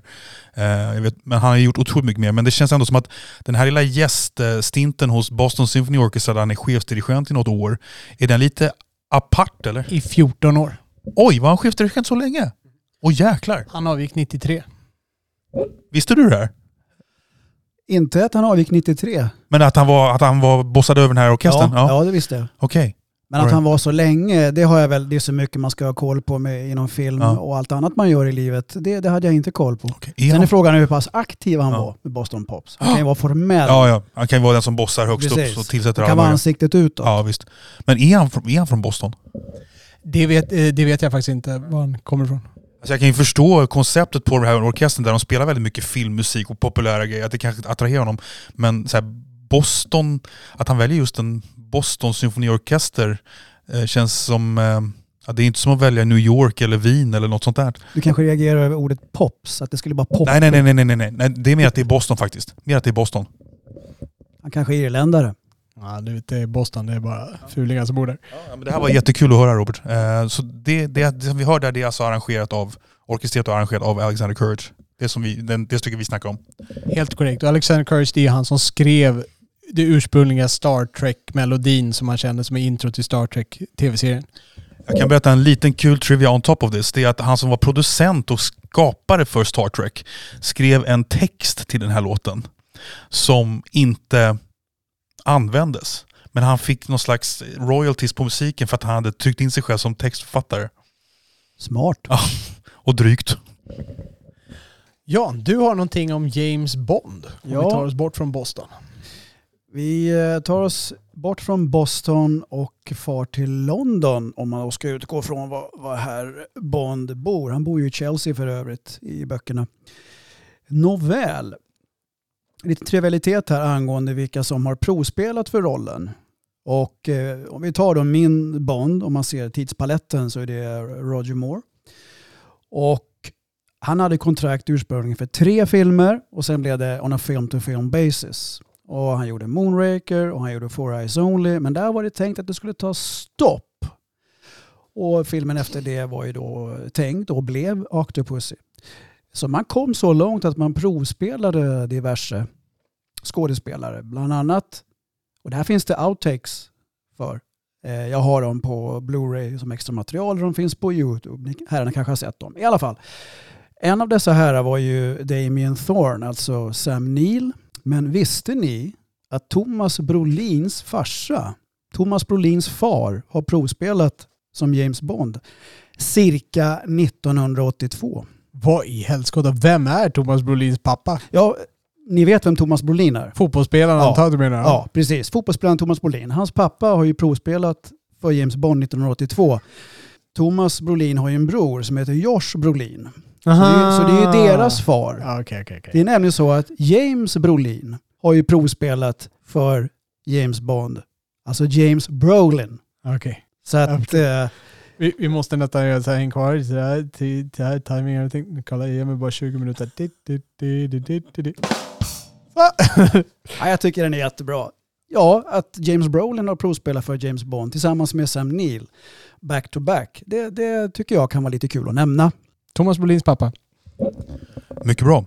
Jag ska för eh, omväxlings skull axla din roll lite grann Robert och prata om en sån här riktig finansiell flopp. Eh, och vi har ju pratat en del om Ang Lee, eh, mest i förbifarten. Jag tycker det är en fantastisk filmskapare men nu ska vi titta på en eh, lite mindre smickrande film för honom. Efter the Ice Storm 1989, 1999 så kommer en film med hon, av honom som heter Ride with the Devil. Och det är en western med Skeet Ulrich, det är en skådis som har glömts bort, Jeffrey Wright och sångerskan Jewel. Och den här filmen kostade hela 38 miljoner dollar att göra men hade en box office på 635 000. Så det är en sån här mother of Christ vilken flopp. Och jag tittade på alla andra Ang filmer, alla har ju typ fått priser och gått bra. Hulken gick ju skitbra fast du inte gillar den. Så att det var lite så här kul, jag, jag minns den här filmen när jag jobbade i en videobutik. Att, vad vad är det här för B-film? Liksom. Jag tänkte inte ens på att det var Ang Lee. Jag har inte sett den. Ehm, men eh, här har vi en riktig flopp av Ang Lee som jag tyckte kunde vara värd att uppmärksamma. Det var inte den som var med kvinnliga cowboys så att säga, eller hur? Den hette Bad Girls eller Ja, någonting. nej, inte alls den. Inte alls den. Är det, är det den du tänker, Bad Girls? Är det, är det Madeleine Stowe och Drew Barrymore? Ja, är Drew Barrymore med i den också? Okej. Jag kommer ihåg att de var tre stycken på framsidan. Jag, jag, tredje kommer jag inte för, ihåg. Jag har för mig att det var hon från eh. Fyra bröllop och en begravning. Vad heter hon? Annie McDowell? Eller McDowell? Nej, det är inte den här. Men jag- det är precis de tre i, i Bad Girls någonting. Bad Girls Get the Blues eller Bad Girls vad den heter. Ehm, För övrigt var det en väldigt bad film, Bad Girls. ja, men den här har du inte sett, den här jag pratar om. Nej. Nej, nej inte jag heller. Ta, tack och lov. Ja. Jag blir nyfiken. Den lär ju vara vacker. Alla hans filmer är ju i alla fall estetiska brukar det vara. Även, även Hulken liksom. Men den var ingen höjdare, hans Hulk-version. Den var ju estetisk i alla fall till viss mån. Ja, där har vi trivialiserat klart. Vi eh, dundrar vidare och tar oss in på veckans recensioner och rekommendationer. Och eh, om vi ska börja lite mer nutid så börjar jag med eh, The Many Saints of Newark om inte gästerna misstycker.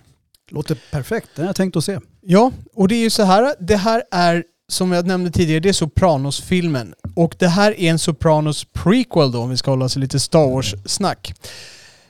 Det är... Det hela börjar med att man sveper över en kyrkogård och då ser man lite bekanta namn på gravstenarna och då är vi nutid, det är alltså efter Sopranos-filmen och då stannar den på, och det här, nu kommer en spoiler för serien för att den här, den här spoilar lite grann på serien trots att den utspelar sig före serien. Så ni som inte vill få Sopranos lite spoilade kanske får, eh, får skippa den här biten. Jag ger er tre, två, 1, 0. Nu är ni kvar. Nu kör vi. Den stannar på Christopher Moltisantis grav och han är ju en som blir dödad av Tony. Och anledningen att jag säger det så öppet är för att han säger det i filmens första 60 sekunder. Att han, eh, att han fick, eh, att Tony Soprano var mannen som tog honom till helvetet. Han parafraserar någonting han sa i tv-serien där då. Och Christopher Moltisanti blir också the narrator, alltså den talaren för den här filmen. Konstigt nog för första halvan, jag tror han försvinner i andra halvan av filmen, vilket eh, vi har kommit till sen filmens ojämnhet här lite grann. Filmens protagonist, och protagonist för de som inte kan det här, det är huvudpersonen kan man säga, den det handlar om. Det kan man ju tro att det är Tony Soprano. För man har ju hört mycket om att det är ju, det är ju James Gandolfini, han som spelar Tony Soprano, att hans son är med i den här och, och spelar då sin fars karaktär i unga år. Men det är inte han som är protagonisten, utan det är Dicky Moltisanti. Moltisanti heter han. Eh, och det är alltså Christopher Moltisantis pappa. Det är den som den här filmen främst handlar om. Även om det är i det här gänget och Tony finns ju med där i- vid sidan om. När filmen börjar då är Tony Soprano i kanske tidiga tonåren. Eh, och det är upploppen i New York eh, i bakgrunden där. Det var ju en svart taxichaufför som blev misshandlad och då blev det upplopp där i New York. Eh, de svarta revolterade då mot polisen. Eh, ganska känt. Och sen händer det lite grejer kring det där. Det blir ett femårshopp och då får man se Tony i sena tonåren och det är då som, heter Michael Gandolfini, heter han va? Eh, sonen till James Gandolfini, som kommer in och då spelar Tony. Så han spelar inte Tony i, i de unga tonåren utan i den sena tonåren. Eh, och den här filmen följer då den här familjens utveckling och inveckling, kanske man kan säga. Den följer inte så mycket Tonys utveckling, för den som väntar sig det. I rollerna så ser man, huvudpersonen där då, Nicky Moltisanti, eller ja just det, han spelas av någon som heter Alessandro Nivola. Man har sett honom kanske i någon film sådär.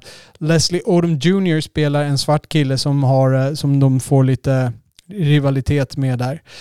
Föräldrarna till Tony spelas av John Bernthal som man känner igen som Punisher om man tittar på den serien. Han är med i ganska många filmer nu men han dyker upp här. Vera Farmiga spelar hans mamma. Hon som då i tv-serien är den dementa mamman i säsong 1 och 2. Och hon, eh, henne känner man kanske igen från The Departed. Det är hon som är kärleksintresset där som går mellan Leonardo DiCaprio och uh, Matt Damon. Ray Liotta finns med. Han har lite dubbla roller. Sen har vi Michael Gandolfini. Michael Imperioli är kanske den enda personen som jag i alla fall kunde lista ut som kommer från tv-serien som var med där. Och det är ju bara, det är ju han som har berättarrösten. Det är han som är Christopher Moltisanti. Så han har bara berättarröst. Och för er som inte känner igen honom, det är han som spelar Spider i Goodfellas. Som blir skjuten i foten av Joe Pesci. Ja, precis. Regin är av en kille som heter Alan Taylor som har gjort Game of Thrones. Han har också gjort Game of Thrones. Sen har han gjort den sämsta Thor- Thor-filmen, Dark World. Och han har gjort den sämsta Terminator-filmen, Terminator Genesis. Så att eh, inte så mycket att, inte så mycket att hålla. Jag ser lite kräkreflexer här på andra sidan. Så jag tror man redan hör min kritik lite grann. Vad tyckte jag om den här filmen? Den är... Jag skulle säga att den är bra agerad. Det är okej, okej produktion, okej regi. Men jag förstår inte riktigt syftet med den här filmen. Det bara händer saker. Det, är liksom, det, är ingen, det finns ingen röd tråd i filmen. Det, jag, jag, jag vet inte vad är, det jag ska, vad är det jag ska vara med om? Vad är det jag ska titta på? Ska jag bara titta på saker som händer? Och det, det är också lite konstigt här, men som jag nämnde, upploppen, de får ett fokus. Man får se den här taxichauffören, liksom, när han kommer, han stannar, när de släpar ut honom och det här börjar upploppen. Ja, sen spelar de ingen roll. De, de står och tittar, det brann där borta. Ja, sådär. Och sen är det inget mer med det. Men ändå har man liksom gett dem så pass stor fokus, de har visat hur de uppkom, men de spelar ingen roll i filmen. Det är bara no någonting i bakgrunden en liten sekund. Och sen just det här att fokuset är på, på Dickie Moltisanti där, jag vet inte, vem i- som tittade på Sopranos gick liksom med den gnagande frågan vad hände med Christopher Moltisantis pappa egentligen? Liksom, är det frågan man vill ha besvarad när man har suttit och tittat på serien? Vad hade du velat se för spin-off-film? Jag hade ju velat se mer, alltså Tony, hur han blev Tony och se, liksom, se det gänget. Det, det är det som är intressanta. Fast det kanske var svårt just med... Då ska man ha någon, någon, annan, någon annan än James då. Ja, alltså, hans son är ju med här och Tony är ju med. Och det skulle varit intressantare att se liksom, han i hans sena tonår, om de hade börjat där och sen se honom växa in i den här rollen mer. Och man får ju se Tony när han gör lite saker. De, men det är så här, de rånar en glassbil och sådana här saker. Och det, det är liksom det är liksom aparta grejer. Man får ingen känsla av att det är en karaktär som utvecklas. Man ser ingen ark hos någon karaktär. Inte ens hos, skulle jag vilja säga, hos Moltisanti. Det låter nästan som att de stoppar in Tony lite pliktskyldigt, eller om man ska säga, i denna setting. Ja, jag tror de stoppar in ganska många pliktskyldigt. Vi har ju Silvio som spelas av, eh, vad heter han, Van Sant från eh, E Street Band där. Steven Sand. Steven Sand, tack. Som spelar E Street Band med Bruce Springsteen. Han spelar Silvio där. Det finns en karaktär som spelar honom då som lite yngre. Och hans porträttering av honom, det blir nästan som en karikatyr. Han är ju en ganska speciell typ i Sopranos. Men här, liksom, här blir det verkligen som en karikatyr. Det, liksom, det, det tar ut en liksom, här, oj, han härmar verkligen honom. Det är lite mer Saturday Night Live-stuk fast kanske utan skämten liksom. Och, och det finns också det finns också lite så här dumma scener. Det finns en scen, nu, det, det här är ingen spoiler, men det är, det är en scen i filmen. Vi vet ju nu att Tony dödar Christopher Moltisanti. Och då finns det en scen då när den här Tony i sena tonåren, när han får träffa Christopher när Christopher är en bebis. Och Christopher gråter jättemycket när, när han kommer till Tony. Och ingen kan förstå varför. Varför gråter han så mycket när han kommer just till dig Tony? Jag vet inte. Det är nästan som något dumt ska hända. Och han säger nästan det ordagrant liksom. Och de hänger kvar vid det där och lägger kommentar, kommentar, kommentar kring det där. Istället för att bara ha en sån här grej som att han bara grät och de som förstår förstår. Så ska de liksom göra det här superklart med tre olika förklaringar. Liksom verkligen gnugga in det i ansiktet.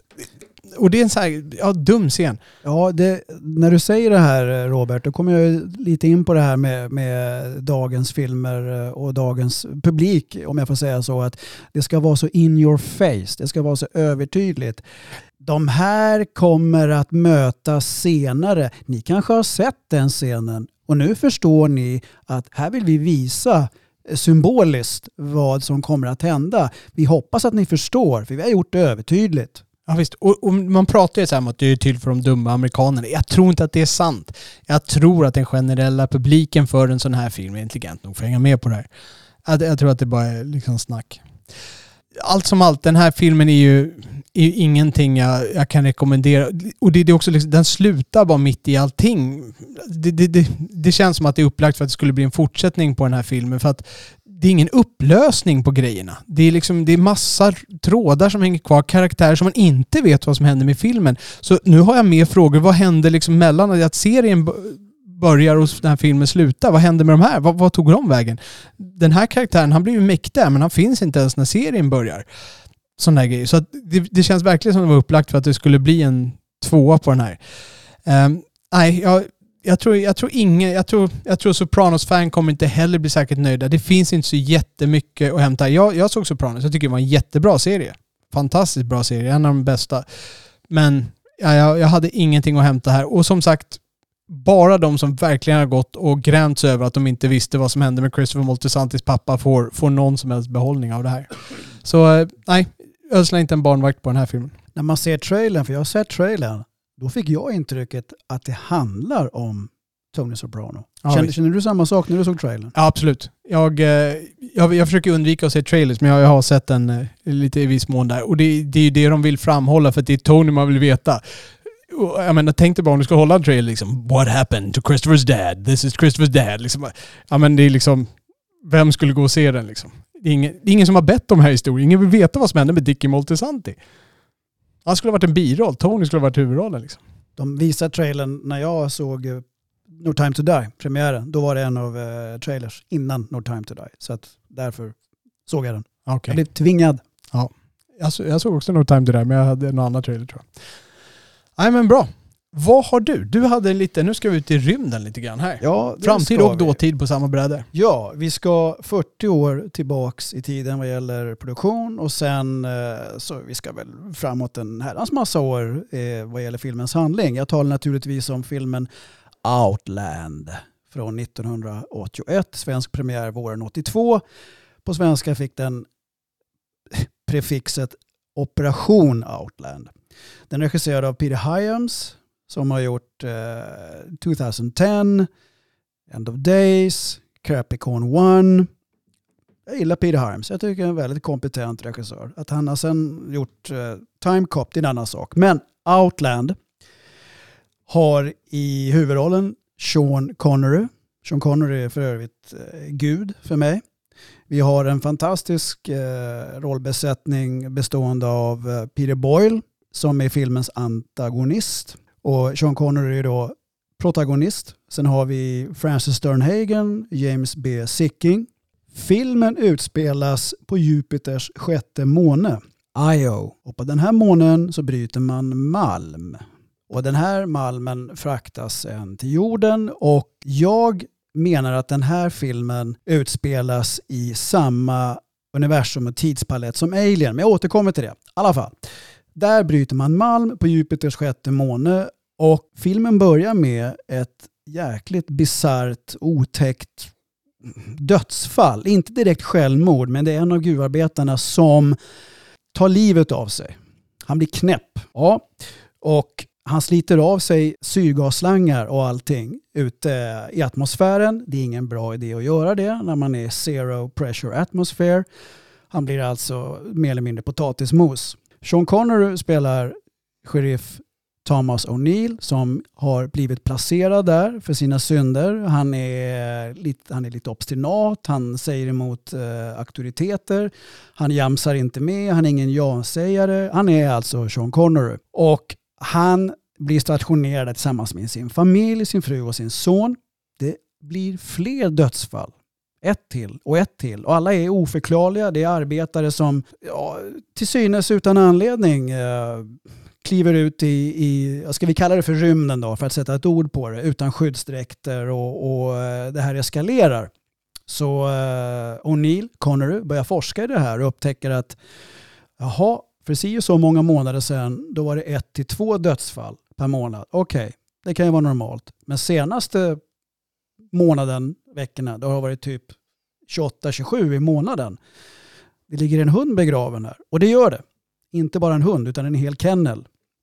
Så han börjar forska det här och kommer på att den ansvarige för gruvdriften på IO eh, inte har rent mjöl i påsen utan han kommer en, eh, på spåren att den gruvansvarige, antagonisten Peter Boyle, förser arbetarna med syntetiska droger som gör att de jobbar som galärslavar. De gör typ eh, 24 timmars jobb på, på åtta. Eh, men sidoeffekten är att efter 10-11 månader så blir en del helt wacko och gör sådana här tokiga saker. Och det tycker inte O'Neill är något bra. Jag tycker det är dumt att man gör så med arbetarna. Så han börjar forska i det där och beslutar sig för att stoppa det här. Och det uppskattas inte av eh, gruv, eh, gruvchefen eller de som då förser eh, vederbörande med narkotika. Så de sätter ju ett pris på hans huvud. Och många har kallat den här filmen och filmens handling för en High Noon, sheriffen i rymden. Det finns likheter, absolut. Jag tycker också att det finns olikheter. Jag inte minst såklart eh, var de befinner sig. Men det, visst, det är lite klassiska scenariot. Det är den ensamme sheriffen som ska... Du får inte spoila High Noon för mig, för det är på min bucket list. Jaha, du har inte sett jag den? Jag har faktiskt jaha, inte sett den. Jaha, Nej, tyvärr. Jaha. Jag skäms inte för att jag inte har det. Gary Cooper. Ja, ja jag vet vilken det är. Ja. Okej, okay. då, okay. då kan jag dra lite handbromsen vad gäller handlingen. Det är en film som har allt enligt mig. Den har bra skådespelare, den har robust handling, ett välskrivet manus, fantastiska specialeffekter, ett underbart soundtrack av en av mina stora filmmusikidoler, Jerry Goldsmith. Han var själv inte nöjd med det eh, scoret. Det var han väldigt sällan i och för sig, vilket är jag kan inte begripa varför, för jag, det är ett av mina, jag ska säga topp tre vad gäller Goldsmith. Och här kommer liknelserna med Alien. Den gjordes ju tre år ungefär efter Alien. Två, tre, beror på hur man räknar. Så att rent produktionsmässigt vad gäller eh, production design och kostymer så är det väldigt, det är snarlikt. Dräkterna, eh, kulisserna, eh, hur de bor arbetarna, färgerna, färgpaletten och det här med Goldsmith musik. Det finns, man känner igen det från Alien, det här lite spöklika, drömlika. Det här med att jag vill gärna tro ni vet Alien, Nostromo, fraktar ju hem Iron Ore. Det står ju i början på filmen att när det kommer upp en liten förklaringstext. eh, USS si och så, Nostromo Cargo eh, transporterar hem eh, miljarders med malm. Förlåt, jag har, med risk för att jag missade någon liten dimension i allt du har sagt kring den här filmen. Men var, varför, varför måste man åka hela vägen till Jupiter för att hämta järnmalm? Den finns bara där. Den finns bara Ja, där. Ja, det är så det är. Det, det, är aldrig för, det ska jag säga, det förklaras aldrig. Det är egentligen inte viktigt, själva malmgrejen. Men de bryter malm där, ore då på, på engelska. Men det är inte, ja, den finns bara där. Okej. Ja, eller kanske liknande omkring, men det finns inte på jorden. Eh, jag vill ju tro att Nostromo har hämtat malm därifrån. Hänger ni med? Nostromo fraktar ju hem malm, de har varit långt ute åt helvete och är på väg hem, ligger i hypersleep och, eh, och så vet vi vad som händer i Alien och vaknar upp och blir, ja precis, och träffar på det de träffar på. De kanske är på väg från Jupiters sjätte måne med den här malmen som bryts i, på, i Outland då, på månen. Så att det är den här malmkonnektionen och sen allt runt omkring. Att musiken och, och dräkterna och produktionsdesign och äh, jag, jag vill gärna tro att det, det är samma universum. Men skulle LV426, skulle den då ligga i vårt solsystem? Ja, det är ju ganska stort vårt solsystem så det kan man väl leka med tanken. Ja, men redan, redan, eh, redan då känns det som att vi hade kommit underfull med Um, alltså alla planeter i vårt, eller så stor, må- inklusive månar. Eller ja, jag vet inte när vi upptäckte månar, men uh, redan, alltså jag tänker när Alien gjordes och det är inte så långt emellan dem. Så att vi borde inte haft så många okända. Sen är det väl så att de ligger i hypersleep väldigt länge och det tar väl, uh, alltså med, med typ den space travel vi kan vänta oss, vad tar det? Det tar, uh, det tar ett år att åka från Mars och Jupiter, ja just det, det är ju en bit däremellan, men det, det borde inte ta så många år längre att åka till eh, Jupiter är nästa planet efter Mars, jag tänker jag sådär. Så att jag, jag finner lite hål i den teorin, för var skulle de möta LV426 då? Det är via Mars och sen så är det vid jorden då. Fast vi får komma ihåg att Nostromo blir omdirigerat av datorn. Ja, för att de var närmast. Så det måste ju fortfarande vara, de blir inte omdirigerade till ett annat solsystem. Vad heter bolaget i uh, Wayland Yutani? Va? Ja, just det. Heter det i Alien. I Outland så heter gruv, gruvbolaget heter Con Amalgamate. Så det är inte samma bolag. Nej. Men vi tänker att, eller jag tänker att, att Con, Con Amalgamate, de bryter malmen. Och eh, Wayland Yutani fraktar malmen. För det händer ju att bolag samarbetar. Och sen, eh, ja, så omdirigerar då Wayland Yutani Nostromo långt åt helvete. Jag kan väl få leka med den tanken. Ja, tycker det absolut. Men det jag tänker är att jag, jag, jag sticker snarare, jag, jag, vill hellre dra tanken ännu längre bort att det här är konkurrenten. De, de fick ingenting på IO utan de fick eh, åka ännu längre bort i, i kanske för att hämta någonting. Så att det är inte det, det, är inte det att jag skjuter på teorin men just kanske det att de, de fraktar den just från IO till jorden. De, det känns som att Wayland, de kanske får ha någon planet ännu längre bort där de hämtar sitt i så fall och fraktar hem det. Det Mm. låter mer troligt i mina öron än att de just skulle hämta därifrån. Och just det är olika företag också. Wayland kanske fick eh, skräpplaneten som var mycket längre bort för att de här, vad de nu hette i... Ja, Con, Amalgamate. precis, de fick eh, guldkornet där på IO. Ja, så kan det vara. Kan, det är kul att bolla fram och tillbaka. Men att det utspelar sig i samma universum. Ja. I och med att filmerna är så lika i produktionsdesign och kläder och dräkter och Yellow Goldsmith. Ja, jag tycker det är skithäftigt. Och den är spännande. Det är bra actionsekvenser. Sean Connery tyckte väldigt bra om den här filmen. Det, det vet jag. Han pushade väldigt bra för den. Och, och eh, en av hans favoritfilmer, han, han har sagt att för, för en gångs skull fick jag ett manus kring en science fiction-film som jag kunde förstå. Och det lockade bland annat mig. Så jag vet att han verkligen försökte sälja in den här filmen. Och eh, ja, den, den, den har allt jag, jag kan begära av en, av en film i den här genren. Jag kan verkligen pusha för den här. Man får två timmars fantastisk underhållning och Sean Connery är makalös. Jag tycker också, jag gillar den här filmen skarpt så jag kan bara instämma. Jag tycker att tredje akten lever inte riktigt upp till de första två akterna. Tredje akten är okej, men akt ett och två är riktigt bra. När, när mysteriet så att säga rullar upp. Och, och tempot och hur det här byggs upp. Jag, jag tycker det det är verkligen bra gjort i en sån här sci-fi miljö. Och jag känner också att de hämtar mycket från Alien i liksom i dramaturgin, även om handlingen inte är samma, så är det just det här att de tar seriöst på en sci-fi miljö. Och den, liksom, hur skulle det funka med arbetare och bla bla bla, liksom Mm, hela den här biten. mm.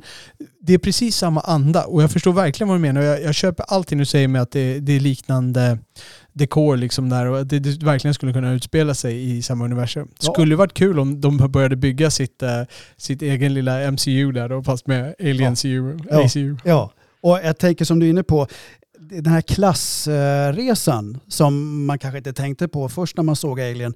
Det är, ju- det är mycket klass, arbetarklass, vi har bara Nostrom och så har vi de, de fem där uppe, officerarna etc.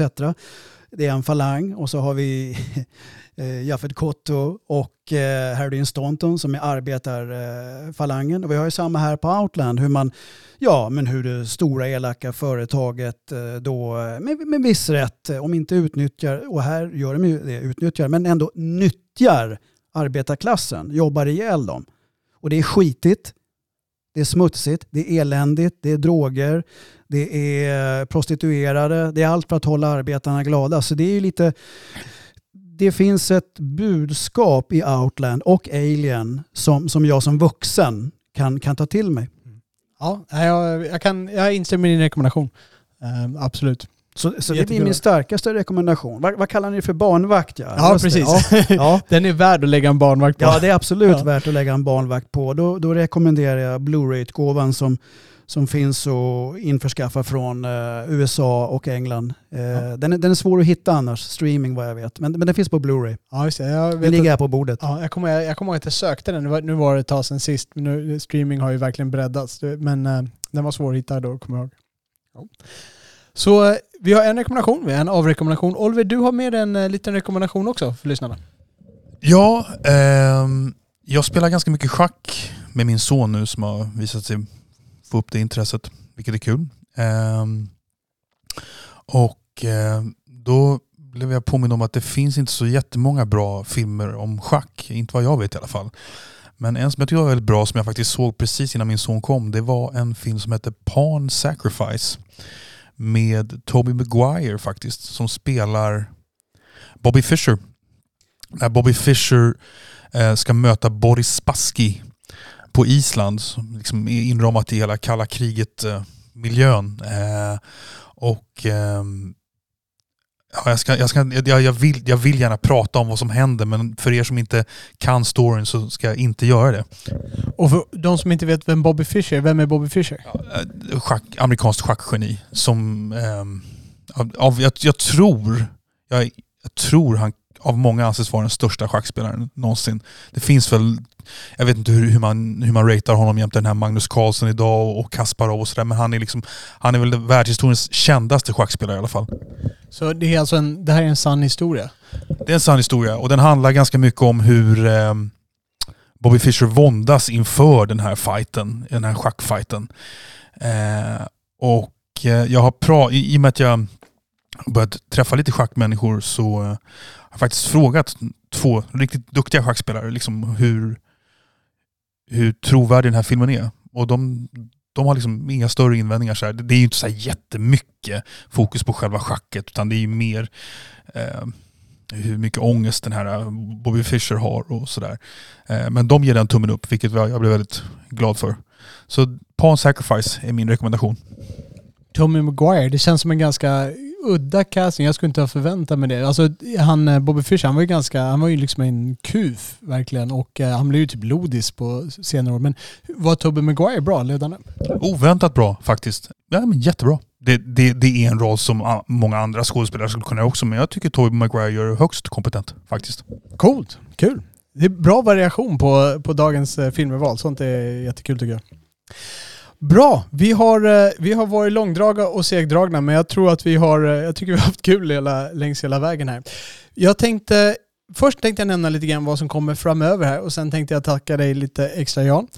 Vi har ju nästa vecka, då ska vi också ha en gästvärd. Då blir det Fritte som vi då hade lite tekniska problem med förra gången. Som vi hoppas att vi har kommit, kommit överens med nu här och löst dem så att han kan komma här och vi ska prata lite. Honom har vi också en special, en ljudspecial. Precis som med Jan här ska vi ha en ljudspecial och vi ska ha en ljudspecial med Fritte där vi pratar 80-talspärlor. Och veckan efter Fritte så har vi vår eh, gamle kamrat Robert P som kommer förbi och gästar. Och tills dess ska vi fixa en sladd så vi slipper sitta här och småhångla medan vi delar mick, jag och Oliver. Sen är det så, jag vet inte hur mycket du har lyssnat på våra gamla gästavsnitt Jan, men vi brukar tacka gästen genom att köra Bernard Pivot. Hans... Du får lära dig att han var fransman bara. Vad med att han var fransman? Vad har jag sagt annars då? Du säger Bernard, Bernard, Bernard Pivot. Monsieur Bernard Pivot, le, le, for, le formulaire de Bernard Pivot. Eh, vi ska nämligen... Eh, eh, tänkte ställa, du har kanske sett Actors Studio? Si. Ja, och eh, då får ju de alltid avsluta med det här. Så vi, vi har börjat göra det här också. Vi svarade ju faktiskt själva på dem i vårt introduktionsavsnitt. Så då börjar jag skjuta till dig Jan, här på en gång. I'm all ears. Jan, vilket är ditt favoritord? Djurgården. Vilket är ditt minst favoriserade ord? AIK. Förväntat. Vad tänder dig? Och då menar vi någonting som tänder dig, allt, alltså, någonting som tänder dig på ett kreativt, på ett andligt, på ett emotionellt sätt. Vad tänder dig? Integritet. Vad är avtändande för dig? Avsaknaden av integritet. Vilken är din favoritsvordom? Piss och pest och senapsgas. Mm. Lång. Vilket ljud eller oljud gillar du bäst? Vad gillar du bäst för ljud? Ace Frehleys gitarrspel. Och för de som inte vet, vem är Ace Frehley? Världens ballaste, coolaste och mest unika gitarrist, originalgitarristen, lead guitarist i världens bästa hårdrocksband. Kiss. Aha, okej. De älskar ACDC, det är Scott. ja, det är Kiss gitarrist ja. Ehm, och vilket ljud eller oljud gillar du minst? Stefan Löfven när han pratar. Vilket yrke annat än ditt eget skulle du vilja testa på? Och då måste vi fråga, vad är ditt yrke idag? Är du filmskribent? Är du någonting mer än filmskribent? Ja, jag är filmskribent, krönikör på Nya Dagbladet. Jag har två böcker som ligger i äh, jäser till sig. Men till mitt gebit så är jag fastighetsskötare. Fastighetsskötare. Och om jag då frågar, vilket yrke annat än dina egna, får jag då säga eftersom det är pluralis där, skulle du vilja testa på? Så förutom det du gör, vad skulle du vilja testa på? Regissör. Regissör. Vilket yrke skulle du aldrig vilja testa på? Jobbar på bank. Mm. Redovisningsbyrå, skulle det vara okej? Det är okej. Okej, Ja, skönt. för Skönt. det, det är efter att man har varit på banken. Ja, skönt för ekonomihjälpen. Eh, och slutligen frågan då, om himlen existerar, vad skulle du vilja att Gud sa när du anlände vid pärleporten? Morsning korsning Janne. Mm. Välkommen. Jättebra. Med det Jan, så riktar vi ett extra stort tack till dig för att du var med här idag. Vi ska ta och knyta ihop säcken och för de som har någonting att kommentera eller korrigera från dagens avsnitt så gör ni det i avsnittskommentarerna på vår hemsida filmpapporna.se. Ni kan också följa oss på Twitter där vi är filmpapporna. Och med det så tackar vi den eminenta redovisningsbyrån Ekonomihjälpen som är lite bättre än att jobba på bank. Det är de som möjliggör den här podden. Vi tackar alltså Jan extra mycket för att du var här. Tack Jan och tack Robert. Tack Robert, tack Oliver. Och tack till er som lyssnar. Det är ni som gör det här kul.